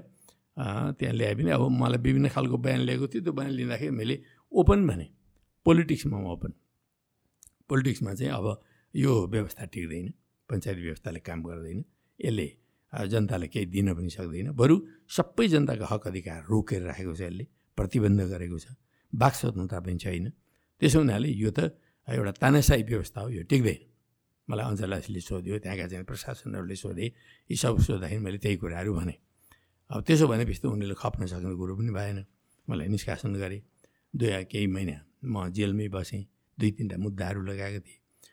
तर अब ती कुराहरूले मेरो चाहिँ म जति समय जेल बसेँ नि त्यसले मेरो मेरो मनलाई कस्तो बनाइदियो भने अझ डर बनाइदियो त्यो भन्छ नि मान्छे जुन काँतर हुने डराउने हुन्छ नि त्यस्तो भएन। मलाई चाहिँ त्यस्तो बिल्कुलै लागेन बरु। त्यो जेल त एउटा जेलले मलाई शिक्षा दियो। जेलमा कष्टपूर्ण लाइफ थियो। तर त्यो कष्टपूर्ण लाइफले मलाई अझ बढी स्ट्रङ बन्न र यत्रो सारा देशका जनताले दुःख पाइरहेका छन् भने उनीहरूलाई एउटा सुखी समृद्ध एउटा खुला समाजमा कसरी पुर्याउने? त्यसको लागि जति पनि डेडिकेसन गर्नुपर्छ सेक्रिफाइस गर्नुपर्छ भन्ने खालको भावना चाहिँ मलाई विकसित गरिदियो त्यो जेलको जीवनले। जेलको एक्सपिरियन्स कस्तो हुन्छ? लाइक के? जेलमा के हुन्छ भने अब तपाईँलाई सबै मन लागेको कुरा गर्न पाइँदैन होइन? बिहान खायो बेलुकी खायो उसले दिएको सिधा खाने हो। अरू केही काम गर्न पाइँदैन। तर पनि जेलका जनतासँग बस्ने उनीहरूलाई सिकाउने अब कतिपय एकदमै निरक्षर आदि विभिन्न खालका अपराध मुद्दाहरूमा परेका मान्छेहरू हुन्छन्। उनीहरूलाई पनि शिक्षा दिने। घुलमिल चाहिँ हुन दिन्छ? घुलमिलसम्म चाहिँ हुन दिन्थ्यो। सुरुमा दिँदैन्थ्यो है। तर अब हामीले त्यहाँ सङ्घर्ष गऱ्यौँ भने किन नदिने? बाहिरबाट यहाँ ल्याएको छ अब जेलमा पनि नदिने हो। भनेपछि नानी रोक्न छोडे। हामीले लडाइँ नै गरेर गऱ्यौँ त्यो। नत्र भनेदेखि त्यति मात्रै होइन त्यहाँ त एकातिर हामीलाई गोलमिल गर्न नदिने। अर्कोतिर महिला र पुरुषलाई करिब करिब एकै ठाउँमा राखिदिने। हेर्नुहोस् त्यस्तो थियो। हामी गएपछि महिला र पुरुषलाई अलग बनायौँ है। अनि त्यस पछाडि सबैसँग घुलमिल हुने स्थिति हो हामीले उनीहरूलाई पढाउन थाल्यौँ कि? पढ्न चाहिँ दिन्छ बुकहरू? बुकहरू अरू के अरे उसको बुकहरू चाहिँ दिने के भन्छ त्यो पाठ्यक्रमहरूको दिने। ए तर अरू चिज पढ्न नदिने। अहिले पनि त्यस्तै हो? अहिले त अलिक खुला छ। ए अहिले धेरै खुला छ। अहिले धेरै खुला छ। पहिला त गोर्खापत्र राइजिङ नेपाल बाहेक पढ्ने दिँदैन थियो है? त्यो थियो। अनि हो त्यस्तो थियो। अब बागलुङ जेलले पनि मलाई अलिकति शिक्षा दियो। त्यसपछि आएर म त्यहाँबाट छुटिसकेपछि मैले कम्युनिस्ट आन्दोलन अब एकताबद्ध कसरी गर्न सक्छ? देशभरिको स्थितिमा म एक किसिमले अब भ्रमण गरेर गएँ। त्यस पछाडि इलामबाटै कामको थालनी गर्नुपर्छ भन्ने टुङ्गोमा पुगेँ। र मैले इलाम जिल्लामा छब्बिस सालमा गएपछि इलाम जिल्ला कमिटी ने नेपाल कम्युनिस्ट पार्टी गठन गरेँ। त्यो गठन गरेर इलाम जिल्लामा प्रचार प्रसार गर्नुको साथसाथै देशव्यापी रूपमै सम्बन्ध सम्पर्कहरूलाई बढाउन थालेर अब हामीले एउटा राष्ट्रिय स्तरमा कोअर्डिनेसन केन्द्र सबै कम्युनिस्टहरूलाई कोअर्डिनेट गर्ने एउटा केन्द्र बनाउनुपर्छ जसलाई अब कोअर्डिनेसन केन्द्र भनौँ त्यो कोअर्डिनेसन केन्द्र बनाएर अनि कम्युनिस्ट पार्टीलाई युनिफाई गर्नुपर्छ एकताबद्ध गर्नुपर्छ भन्ने मलाई लागेको थियो त्यही हिसाबले हामी अगाडि बढ्दै थियौँ झापाको सिपिएम ऐनाली पनि त्यसरी नै अगाडि बढ्दै हुनुहुँदो रहेछ र अरू कतिपय जिल्लाका साथीहरू पनि त्यसरी अगाडि बढ्दै हुनुहुँदो रहेछ अनि हामीले बत्तिस सालमा पुगेपछि Akhil Nepal communist Krantikari coordination committee मार्क्सवादी लेनवादी भनेर त्यो कोर्डिनेसन कमिटी बनायौँ। त्यसमा अब इलाम झापा सुनसरी धनुषा सिन्धुपाल्चोक काठमाडौँ लगायतका साथीहरू मिलेर हामीले बनायौँ। अनि त्यो बनाइसकेपछि एउटा केन्द्र निर्माण भयो अनि विभिन्न जिल्लामा जिल्ला कमिटीहरू विस्तार गर्न थाल्यौँ। र त्यो हुँदाहुँदै पश्चिम दाङका साथीहरूले थाहा पाएपछि जाङको एउटा सन्देश समूह भन्ने एउटा विद्रोही समूह थियो। त्यो विद्रोही समूहले हामीसँग सम्पर्क गर्यो। सम्पर्क गरेर ल हामी पनि तपाईँहरूको लाइन नै आउँछौँ भनेपछि उहाँहरू त्यसमा एकताबद्ध हुनुभयो। पूर्वको एउटा रातो झन्डा समूह भन्ने अर्को रहेछ उनीहरू पनि हामीसँग आउनुभयो। अनि मुक्ति मोर्चा भन्ने भर्खर कमरेड पुष्पलालको समूहबाट फुटेर आएको मोदनाथ प्रसिद्धहरू जीवराज आश्रितहरूले विद्रोह गरेको समूह रहेछ त्यो समूह पनि कोर्डिनेसन केन्द्रमा एकताबद्ध भएर आयो। यो यसरी एउटा एकीकरणको नयाँ थालनी तिसको दशकबाट सुरु गऱ्यौँ हामीले। त्यो गरिसकेपछि अनि पैँतिस सालमा आएर नेकपा माले बनायौँ हामीले। नेकपा माले पार्टी पुनर्गठित भयो। त्यस पछाडि त त्यसले चाहिँ अब राष्ट्रव्यापी रूपमा पार्टी सङ्गठनलाई विस्तार गर्दै गयो। वरिपरि हामीले वर्गीय सङ्गठनहरू निर्माण गर्न थाल्यौँ। उन्चालिस सालमा त्यही पार्टीको म महासचिव भएँ। है महासचिव भएँ। हाम्रो सिपी मैनाली हुनुहुन्थ्यो पहिला। सिपी मैनालीले विभिन्न ढङ्गले नेतृत्व गर्न सक्नु भएन। उहाँले राजीनामा दिनुभयो। उहाँलाई राजीनामा दिनुहोस् भने केन्द्रीय कमिटीले राजीनामा दिनुभयो। दिइसकेपछि अनि मलाई फेरि बनायो। मैले त्यसपछि पार्टी हाँगेँ। है पार्टीलाई वैचारिक रूपले राजनीतिक रूपले सैद्धान्तिक रूपले सङ्गठन रूपले सबै प्रकारले हाँक्न जरुरी थियो र पार्टीलाई व्यापक विस्तार गर्नुपर्ने जरुरी थियो। हामीले उन्चालिस चालिस एकचालिस बयालिस त्रिचालिस चौवालिससम्म पुग्दाखेरि पार्टीलाई चाहिँ हामीले व्यापक बनायो। राष्ट्रव्यापी बनायो। र अब छ्यालिस सालमा आएपछि हामीले चौथो महाधिवेशन गऱ्यौँ। चौथो महाधिवेशन पछि मदन कुमार भण्डारी कमेडीलाई चाहिँ महासचिव बनाइयो। मैले अब यो वाम मोर्चा बनाउने आदि गर्ने छ्यालिस सालको आन्दोलनको पृष्ठभूमि तयार पार्ने यी कामहरूमा म लागेँ। वाम मोर्चा बनाएको मैले नै हो त्यति बेला। सबै वामहरूलाई मिलाएर। अनि कङ्ग्रेससँग वार्ता गरेँ मैले त्यति बेला गणेश मानजी किसनजीसँग वार्ता गरेर हेर्नुहोस् अब पञ्चायतमा कङ्ग्रेसले पहिले नै बिपीले सबै मिलेर जाउँ भनेको भए पञ्चायत लामो समय बस्न थिएन। तर चाहिँ उहाँले कम्युनिस्टसँग एक्तै गर्नुहुन्न भन्ने खालको कुरा गर्नुभयो। अब तपाईँहरूको पनि त्यही नीति हो कि बदल्नुहुन्छ अब? भनेर कुराकानी गर्दाखेरि बयालिस सालमा कङ्ग्रेसले एक्लै मुभमेन्ट गर्ने भनेर एउटा चाहिँ असहयोग आन्दोलन गरेको थियो। त्यो आन्दोलनको बेलामा पञ्चहरूले यति ठुलो दमन गरे कि त्यो नेभी सङ्घका विद्यार्थीहरूलाई यति धेरै दमन गरे कैयौँको टाउको परिदिए हात भाँचिदिए खुट्टा भाँचिदिए यो घटना पछाडि अनि के अरे किसुनजी र गणेश मानजीको धारणा बदलेछ। होइन? एकताबद्ध भएर जाने हो प्रकाशजी भनौँ मेरो प्रकाश नामबाट म गएको थिएँ उहाँहरू त्यति बेला। अनि होइन त्यसो गर्नुपर्छ। प्रकाशजी हामी एकताबद्ध भएरै जानुपर्छ। कार्यगत एकता गरौँ भन्ने कुरा गर्नुभयो। त्यो गरिसकेपछि हामीले सबै कुराहरू मिलाएर अनि दुई हजार त्यही छ्यालिस सालको सात साल सात ए फागुन सात गतिदेखि आन्दोलन गर्ने भनेर निर्णय गऱ्यौँ। र हाम्रो अनुमान के थियो भने कमसेकम पनि एक महिना दुई महिनाको बिचमा यो समाप्त हुन्छ। यहाँभन्दा बढी चाहिँ पञ्चायत टिक्दैन भन्ने हाम्रो अनुमान थियो। वास्तवमा आन्दोलन अगाडि बढ्दै बढ्दै गएपछि त्रिपन्न दिनको दिन पञ्चायत समाप्त भयो। समाप्त भयो र छ्यालिस सालको परिवर्तन भयो। त्यो छ्यालिस सालको परिवर्तन भइसकेपछि अब साथीहरूले के भन्नुभयो भने खास गरी मदन भण्डारीले नि मलाई भन्नुभयो ल अब भन्ने अन्तरिम सरकारमा हाम्रो तर्फबाट तपाईँ जाने हो भन्नुभयो अनि उहाँले मलाई नै पठाउनु हो। तर मलाई जाने इच्छा थिएन हेर्नुहोस् त्यति बेला। त्यति बेला जाने इच्छा थिएन तर पनि एउटा ऐतिहासिक जिम्मेदारीको कुरा हो ठिकै छ। अब पार्टी नेताले भनिसकेपछि र कमेडहरूले पनि भनिसकेपछि अब जानुपर्छ भनेर म गएँ काम गरेँ। हामीले अन्तरिम सरकार जो थियो एक एक वर्ष चल्यो त्यो। त्यही सरकारले हामीले संविधान पनि बनायौँ र चाहिँ पहिलो आम निर्वाचन पनि हामीले गरायौँ। त्यो पहिलो आम निर्वाचन पछाडि अब बहुदलीय प्रणालीको थालनी भयो। र हामीले बहुदलीय प्रतिस्पर्धा गऱ्यौँ। र त्यो बेलामा नै हामीले कस्तो अनुमान गरेका थियौँ भने हेर्नुहोस् अडचालिस साल वैशाखमा हुने जुन चुनाव थियो त्यो चुनावमा यदि नेपालका सबै वामपन्थीहरू एकताबद्ध भएर गएको भए वामपन्थी सरकार त्यति बेलै बन्थ्यो जस्तो हामीले चौहत्तर जिल्लामा राम्रो आधार बनाएका थियौँ है? चौहत्तर जिल्ला भित्रभित्रै भूमिगत रूपले। कसैलाई पनि थाहा थिएन यो। अरू कम्युनिस्टलाई पनि थाहा थिएन।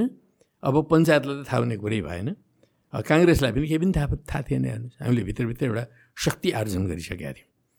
अनि मैले सबै वामपन्थीहरूसँग त्यति बेला हामीले वार्ता गर्दा सबैसँग कुराकानी गर्दाखेरि हामीले प्रस्ताव गऱ्यौँ कि ल भन्नुहोस् यसरी हामी एक सबै एक भएर गयौँ भने एक वाम एक ठाम गरेर गयौँ भने हामी एक सय बिसदेखि पच्चिस सिट जित्छौँ। एक सय पाँच सिट जित्दा बहुमत हुन्छ। त्यसो हुनाले यो जित्न सक्छौँ। त्यसैले सबै मिलेर जाउँ भन्ने कुराहरू मैले प्रस्ताव गरेँ। त्यो गरेपछि उहाँहरूले अब पत्याउनु त पत्याउनु भएन तर चाहिँ नि उहाँहरूको अब आकाङ्क्षाहरू अलिकति खुल्ने स्थिति बन्यो। र मैले प्रस्ताव के गरेँ भने तपाईँहरू कति चाहिँ सिट जित्नुहुन्छ तपाईँहरू? कति एसेन्सियल सिट हो? ल त्यो प्रस्ताव गर्नुहोस्। भनेर प्रस्ताव गर्न लगाएको त उहाँहरूले त एक सय पाँचभन्दा त बढी सिट त उहाँहरूकै पुग्यो हेर्नुहोस्। बढी बढी सिट के अरे महत्त्वकाङ्क्षाका साथ प्रस्ताव गर्नुभयो अब एकदमै अनरियालिस्टिक छ भने हामीलाई सबै थाहा छ। किनभने हामी सबै जिल्लामा छौँ। उहाँहरूको कति शक्ति छ सबै जिल्लाको पनि हामीलाई थाहा छ। तर उहाँहरूले त्यो ढङ्गले अगाडि ल्याउन सक्नु भएन। र एकदमै महत्त्वकाङ्क्षी कुराहरू गर्नुभयो। तपाईँहरू यसमा पुनर्विचार गर्नुहोस् भन्दा पनि मान्नु भएन। र हामीले अन्त्यमा के भन्नु भने हेर्नुहोस् तपाईँहरूको यो जुन आकाङ्क्षा छ त्यो आकाङ्क्षा बढी महत्त्वकाङ्क्षी भयो। तर हामीलाई भन्न दिनुहुन्छ भने हामी एक्लै तपाईँहरूसँग सहयोग नभए पनि सत्तरी सिट चाहिँ हामी जित्छौँ। तपाईँलाई सुन्दा अहिले आश्चर्य लाग्ला। विश्वास पनि नगर्नुहोला तर हामीले त्यो शक्ति बनाइसकेका छौँ। र विश्वास नोट गर्नुहोस् ल सत्तरी सिट। एक्लै। तर तपाईँ हामी सबै मिल्ने हो भने एक सय बिसदेखि पच्चिस सिट र सबैको सेयरिङ पनि हुन्छ वामपन्थी सरकार पनि भन्छ। भनेको उहाँले मान्नु भएन। यो तपाईँहरूको महत्त्वकाङ्क्षा हो। हामीलाई महत्त्वकाङ्क्षी हुनु तपाईँ चाहिँ बढी महत्त्वकाङ्क्षी भन्ने खालको कुरा उहाँले गर्नु ल त्यसो भएदेखि अहिले मिल्न सकिँदैन। यस्तो अवस्थामा किन मिल्ने? ठिकै छ आफ्नो हाम्रो कुरा गरौँ। तपाईँहरू कति सिट ल्याउनुहुन्छ ल्याउनुहोस्। हामी मैले भनिहालेँ हामी सत्तरी सिट जित्छौँ। अब चुनाव पछाडि फेरि भेटौँला भने चुनाव भयो। हामीले उनासत्तरी सिट जित्यौँ है?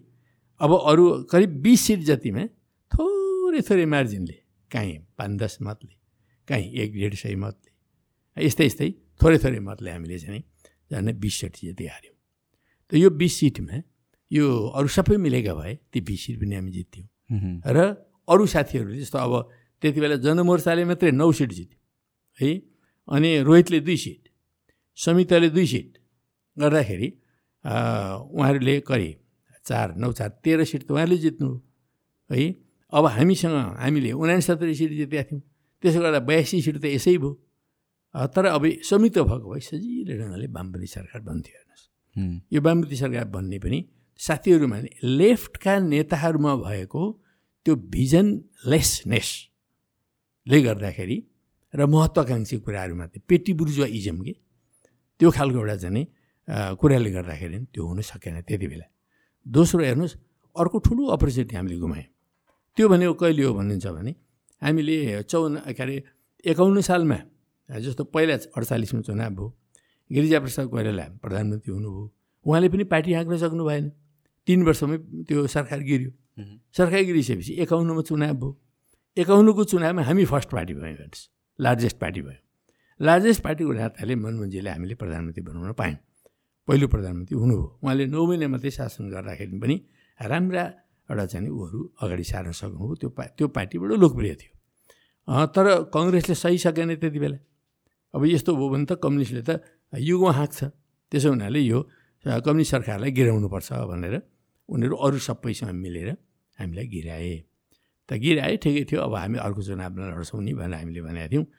तर चाहिँ नि अब हामी यति पपुलर थियौँ हेर्नुहोस्। त्यति बेला हामीले त्यो गिराइसकेपछि जनकपुरमा एउटा चाहिँ राष्ट्रिय परिषदको बैठक गऱ्यौँ। त्यो बैठक बाह्र बिघा मैदानमा भएको थियो।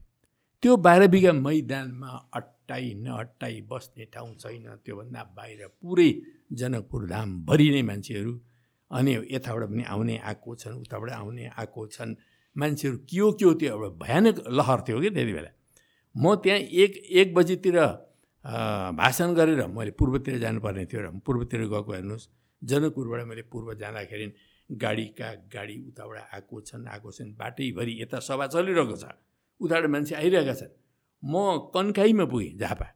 झापा कन्काईमा पुग्दाखेरि पनि दस पन्ध्रवटा गाडी उताबाट आइरहेछन् झन्डा हल्लाएर नारा लगाउँदै आइरहेछन् अनि मैले त्यो गाडीलाई रोकेँ।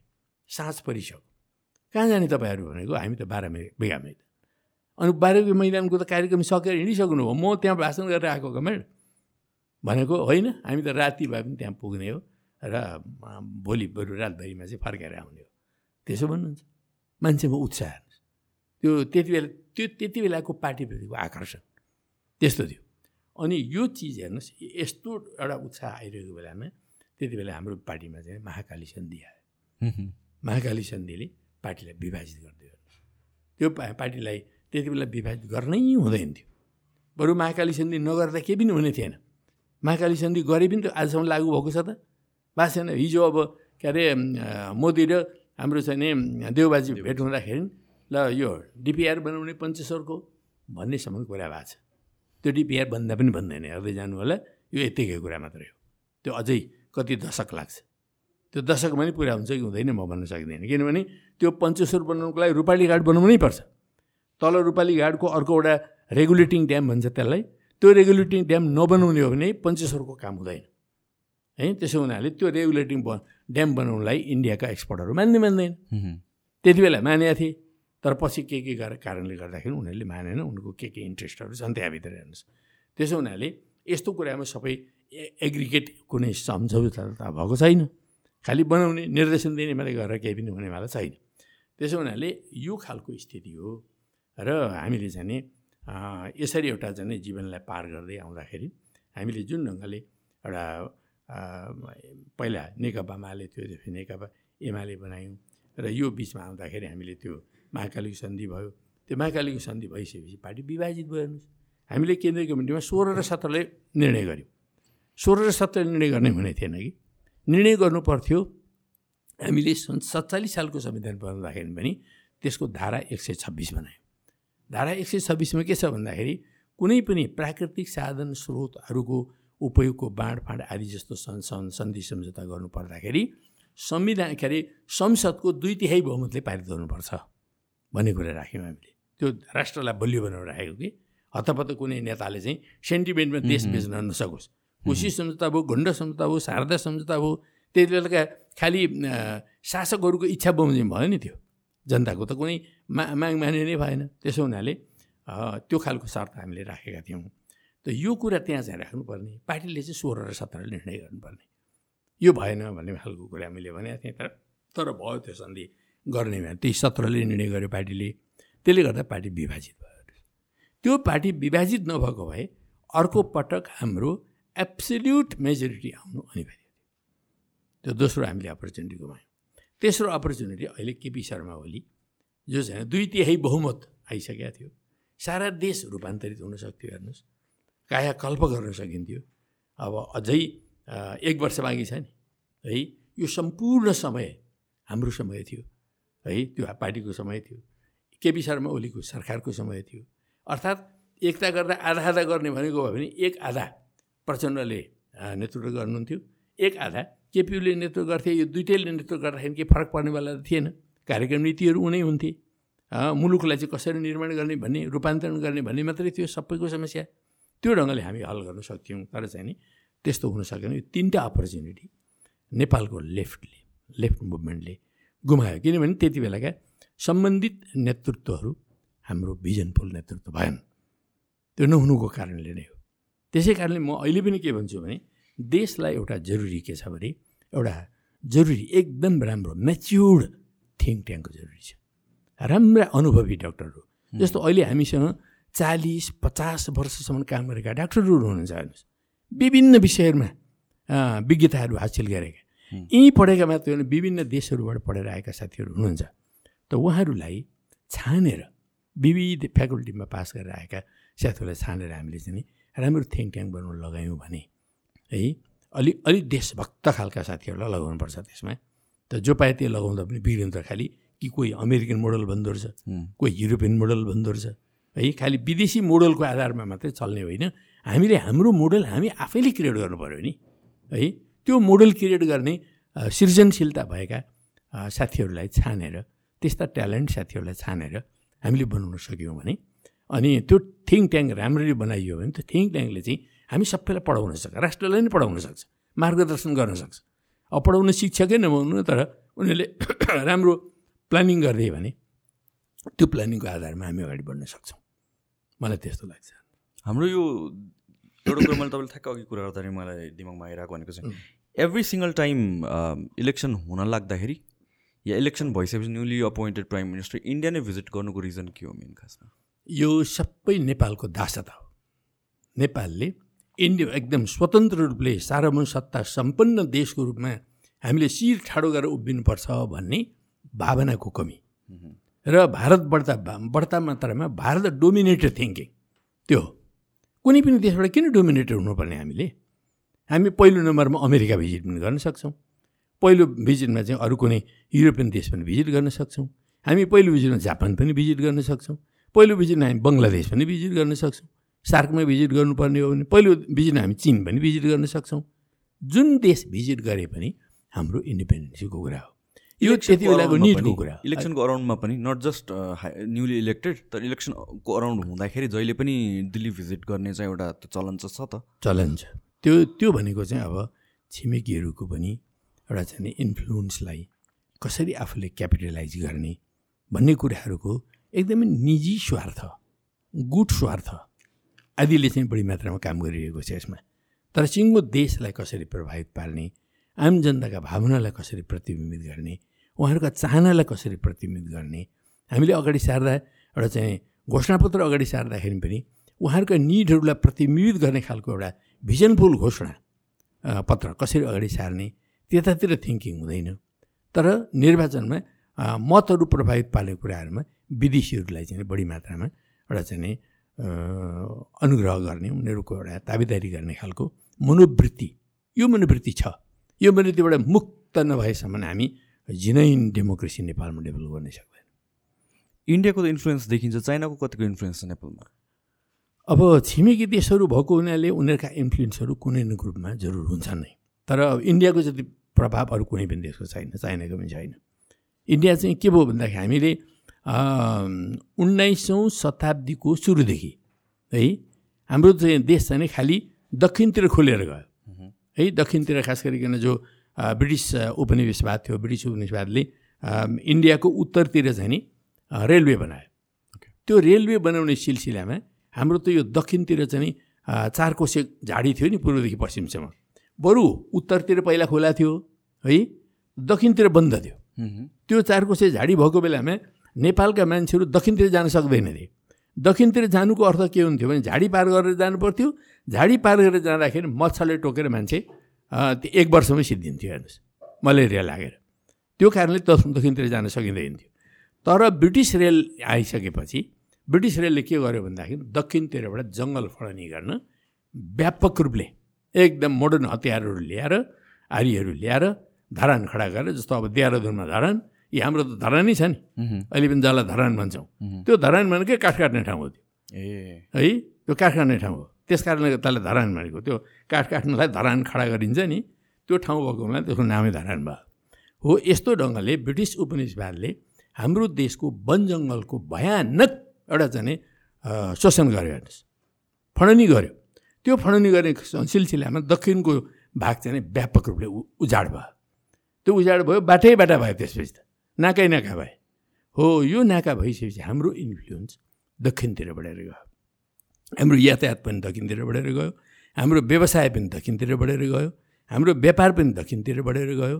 त यसरी भारततिरको इन्फ्लुएन्स चाहिँ बढ्यो। अब ब्रिटिस गएपछि पनि यो स्वतन्त्र भारतले पनि करिब करिब ब्रिटिसकै नीति लियो हेर्नुहोस्। हामीले ब्रिटिसले छोडेपछि त टिस्टादेखि सतलजसम्मको भूभाग त हामीले पाउनुपर्ने हो नि होइन? त्यति बेलाको सरकारले त्यो कुरोलाई दावा गर्न सकेन। दावा गर्न सकेन त्यो दावा नगरेको हुनाले पनि यसमा अनेकन कथाहरू पनि छन्। के भनिन्छ भने एउटा कथा तपाईँलाई यही सन्दर्भमा सुनाइहालौँ कि के भनिन्छ भन्दाखेरि त्यति बेला यहाँका मान्छेहरूले केही केही बाहिरका अध्ययन गरेका मान्छेहरूले पनि त्यति बेलाको राणा शासनलाई चाहिँ के सुझाव दिए अरे भन्दाखेरि हाम्रो भूभाग जो सुगोली सन्धिमा चाहिँ नि घुमेको छ त्यो भूभाग अब लिनुपर्छ ब्रिटिस जान्छ भने ब्रिटिसले हामीलाई त्यो भूभाग दिनुपर्छ भन्ने कुराहरू गरिरहँदाखेरि राणाहरूमा पनि त्यो खलबली सुरु भयो। उनीहरूमा विवाद सुरु भयो। त्यो विवाद सुरु भइसकेपछि भारतका अब त्यति बेलाका नेतृत्ववालाहरूले चाहिँ अलिक चलाक पनि थिए। त्यो चलाक भएपछि उनीहरूले के भनेछन् भन्दाखेरि राणाजीहरू तपाईँहरूलाई अहिलेकै नेपालभित्रको जनतालाई त थाम्न गाह्रो पर्दैछ। भनेपछि तिमीहरूले दार्जिलिङ कालिम्पोङ देहरादुन जस्ता ठाउँहरू समेत पनि तिमीहरूले लिने कुरा गऱ्यो भने त्यहाँ त धेरै सचेत मान्छे छन्। डेमोक्रेटिक माइन्डका मान्छे छन्। अनि तिमीहरूको शासन सत्ता रहन्छ? रहँदैन यहाँ त विद्रोह हुन्छ। त्यस कारण त्यो बबाक्छिन लिने कुराहरू नसोच। भन्ने ढङ्गको सुझाव चाहिँ इन्डियन लिडरहरूले नै त्यसरी दिए जसले गर्दाखेरि राणाहरू डरले त्यो गर्न माग गर्न सकेनन्। बरु नाइन्टिन फिफ्टीको ट्रिटी गर्न पुगे भन्ने पनि कथा छ। यो जेसुकै होस् त्यति बेलाको चाहिँ उहरूले लिन सकेनन्। लिनु पर्थ्यो तर चाहिँ हाम्रो देशकै सरकारले राणाहरूले लिन सकेनन्। त्यसले गर्दाखेरि हाम्रो भूभाग चाहिँ ठुलो मात्रामा झन् दुई तिहाई भूभाग। जो सुगोली सन्धिभन्दा अगाडि हामीले एकीकृत गरिसकेका थियौँ त्यो भूभाग चाहिँ घुम्यो। र अहिले हाम्रो खुम्चिएको सिमानामा हामी छौँ। त्यो अवस्था हो। एउटा एउटा क्विक सर्ट ब्रेक लिएँ। हजुर। दुई तिन मिनटको ब्रेक त कुरा के आउँछ भनेपछि यो हामीहरू नयाँ लिडरको मात्र कुरा गर्छौँ होइन? नयाँ लिडर आए पनि हामीहरूको अब यत्रो इयर्स ओल्ड सेन्चुरिज ओल्ड एउटा डेकेड्स ओल्ड भनौँ न एउटा सिस्टम अलरेडी एक्जिस्टिङ छ कि? सो एउटा लिडर आउने बित्तिकै सबै चेन्ज गर्न त गाह्रो हुन्छ। होइन त्यो सिस्टमले नै अब जस्तो राम्रो इन्टेन्सन भएकै मान्छे आए पनि त्यो सिस्टमले उसलाई त्यो हिसाबले चल्न दिन्छ जस्तो लाग्दैन। सो एज अ लिडर एउटा एउटा के भने एउटा प्रेसर त हुन्छ नै होइन? अर्को कुरा के पनि छ भन्दाखेरि जब पार्टीबाट लिडर आउँछ र इन्डिपेन्डेन्ट आउँछ होइन? पार्टीबाट लिडर आउँदाखेरि त्यो पार्टीतिर सम सोर्ट अफ लोयल्टी त हुन्छ नै होइन? त्यो त्यो एउटा रेस्पोन्सिबिलिटिजहरू फुलफिल गर्नु नै पर्ने हुन्छ। त्यसले गरेर यो जुन एउटा राम्रो इन्टेन्सन हुन्छ त्यसलाई अफेक्ट गर्दैन र त्यो प्रेसरले। होइन इफ त्यो हो भने त इन्डिपेन्डेन्ट आएको लिडरहरू सँग मोर फ्रिडम हुन्छ लिड गर्नको लागि। त्यो प्रेसरको बारेमा चाहिँ कसरी डिल गर्न सकिन्छ के सर? मलाई के लाग्छ भने जस्तो अहिले पार्टी सिस्टम जुन छ नि। हजुर। कुनै पनि इन्डिभिजुअल लिडर इन्डिभिजुअली मात्रै आयो भने उसले पार्टीबाट लिनुपर्ने फिडब्याक विचार परामर्श आदि इत्यादि लिन पाउँदैन सक्दैन। उसले अरू अरू ठाउँबाट लिँदाखेरि पनि रेस्पोन्सिबल ढङ्गले कसैले पनि फिडब्याक नदिन पनि सक्छ। दिन पनि सक्ला नदिन पनि सक्छ। त्यसो हुनाले इन्डिभिजुअल मात्रै हुँदा त्यो सफल हुने चाहिँ सम्भावना न्यून हुन्छ। तर पार्टीबाट आयो। पार्टीबाट आइसकेपछि पार्टी आफै एउटा थिङ्क ट्याङ्क पनि हो होइन? उसको विचारको थिङ्क ट्याङ्क हो नीतिको थिङ्क थिङ्क ट्याङ्क हो सिद्धान्तको थिङ्क ट्याङ्क हो अनुभवको थिङ्क ट्याङ्क हो है? त्यसबाट उसले थुप्रो लाभ लिन सक्छ। ऊ त आफै लिडर हो नि। त्यो पार्टी बनाउनुमा उसको कन्ट्रिब्युसन छ। त्यो पार्टीका नीति विचार बनाउनु उसको कन्ट्रिब्युसन छ। त्यसो हुँदा पार्टीले आफै थिङ्क ट्याङ्कको रूपमा भूमिका खेल्न सक्छ। तर त्यो आफै पर्याप्त हुँदैन। किनभने पार्टीले त पार्टीको आफ्नो पोलिटिकल इन्ट्रेस्ट अनुरूप काम गराउनु खोज्छ। हो। है? त्यो प्रेसर आउँछ। हो। त्यो प्रेसरलाई चाहिँ रेसिस्ट गर्नको लागि उसले राष्ट्रिय थिङ्क ट्याङ्क बनाउनुपर्छ। राष्ट्रिय थिङ्क ट्याङ्कबाट उसले फिडब्याक लिनुपर्छ। त्यो फिडब्याक लिएर सिङ्गो राष्ट्रलाई केन्द्रबिन्दुमा राख। आफ्नो अब कार्यक्षेत्र भनेको के हो भन्दा आफ्नो सिङ्गो राष्ट्र हो आफ्नो कार्यक्षेत्र। दुई करोड बयानब्बे लाख आफ्नो कार्यक्षेत्र हुन्। त्यो त्यो जनताको जनतालाई चाहिँ एउटा अब्जेक्टिभमा राखेर उनीहरूको खुसाल कसरी बनाउने? सुखी नेपाली समृद्ध नेपाल भन्छौँ नि हामी त्यो कुरा कसरी बनाउने? यसलाई चाहिँ ध्यानमा राखेर लिडरले भूमिका खेल्न सक्नुपर्छ र बिल्कुलै अनबायस भएर जानुपर्छ। अनबायस भनेको कस्तो मानेमा भन्दाखेरि चाहिँ आम जनतालाई हित गर्ने सवालमा अनबायस जस्तो अब हामीले जमिनदारले शोषण गरिरहेको छ किसानहरू शोषणमा परिरहेका छन्। लिडरले के गर्ने त? शोषणमा परेका किसानहरूको हितमा काम गर्नुपर्छ शोषणलाई समाप्त गर्नुपर्छ। त्यसो गर्दा जमिनदारको त हित भएन नि। हो जमिनदारप्रति बायस भएको होइन त्यो। अमानवीय कामलाई रोकेको हो त्यो। एक्सप्लाइटेसनलाई रोकेको हो तर प्र्याक्टिकलिटीमा त्यो पोसिबल छ त। छ। एकदम पोसिबल हुन्छ। पोसिबल हुन्छ र त्यो त्यो आँट गर्नु सक्नुपर्छ। त्यो आँट भएन त्यो साहस भएन बाँझो चौरमा फोर्छु भने साहस छैन र हामी चाहिँ म क्षितिज पारी उडेर जान सक्छु भन्ने साहस छैन भने कुनै पनि लिडरले वास्तवमा लिड गर्न सक्दैन। उसले त्यो भिजन देखाउन पनि सक्दैन। र त्यो भिजनलाई कार्यान्वयन गर्नुको लागि त्यो खालको करेज चाहिन्छ। करेज नभएको नेता भयो भनेदेखि त ऊ त डुकुल्यान्ट्याङ हुन्छ अथवा चाहिँ पेन्डुलम हुन्छ। यताको प्रेसर आउँछ यतै हल्लिन्छ यताको प्रेसर आउँछ यतै हल्लिन्छ उसले डिसिजन गर्नै सक्दैन। त्यस कारण डिसिजन मेकरहरूले आफ्नो चाहिँ एउटा साहस देखाउनुपर्छ र करेज देखाउनुपर्छ। त्यसो भयो भने त्यो लिडरसिप सफल हुनसक्छ हस् त्यसो भए आजको सकाइदिइहालौँ तपाईँ पनि रसमा हुनुहुन्छ जस्तो छ। तपाईँले भन्नुभएको भन्दा धेरै नै टाइम दिनुभयो त्यसमा चाहिँ धेरै धेरै धन्यवाद। केही भन्नु छ भने लास्टमा भनिदिनुहोस् अनि हामी सक्छ हस् मैले यो जुन मिडिया तपाईँले सुरु गर्नुभएको मैले पाएँ है यो एकदमै राम्रो काम सुरु गर्नुभएको छ। सुजन तपाईँले जुन ढङ्गले चाहिँ नि यस मार्फत तपाईँ सोसाइटीलाई कन्ट्रिब्युसन गर्न खोज्दै हुनुहुन्छ र हाम्रो देशका युवाहरूलाई अलि बढी यसले उत्प्रेरित गर्न सक्छ भन्ने पनि मलाई लाग्छ। किनभने कतिपय साना साना इन्टरभ्यूहरू जो हामी टेलिभिजनहरूमा दिइरहेका हुन्छौँ त्यसको लागि टाइम लिमिट हुन्छ हजुर र विषय लिमिट पनि हुन्छ। त्यसो हुनाले त्यसबाट मार्फत चाहिँ हामीले भन्न खोजेका सबै कुरा बोल्न सक्दैनौँ। तर यस्तो प्रक्रिया मार्फत चाहिँ हामीले भन्न खोजेका कुरा हामी अगाउँजी भन्न सकिने रहेछ है? र बोल्न पनि सकिने रहेछ। त्यसो हुँदाखेरि यो मामलामा चाहिँ अरू अब श्रोताहरूले पनि उसले के भन्न खोजेको हो त्यो कुरा चाहिँ पूर्ण रूपले बुझ्न सक्ने सम्भावना पनि हुने रहेछ त्यसो हुनाले यो मिडियालाई यहाँले जुन सुरुवात गर्नुभएको छ यसको म उत्तर उत्तर प्रगतिको शुभकामना दिन चाहन्छु। यहाँलाई पनि सफलता प्राप्त होस् भन्ने शुभकामना दिन चाहन्छु। र यो मिडिया मार्फत वास्तवमा नेपाली युवाहरूलाई कल्टिभेट गर्न शिक्षित गर्न अभिप्रेरित गर्न यो मिडियाले राम्रो भूमिका खेल्न सकोस्। मेरो चाहिँ एकदम यसको लागि पनि शुभकामना दिन चाहन्छु। हस् हस् थ्याङ्क यू सो मच।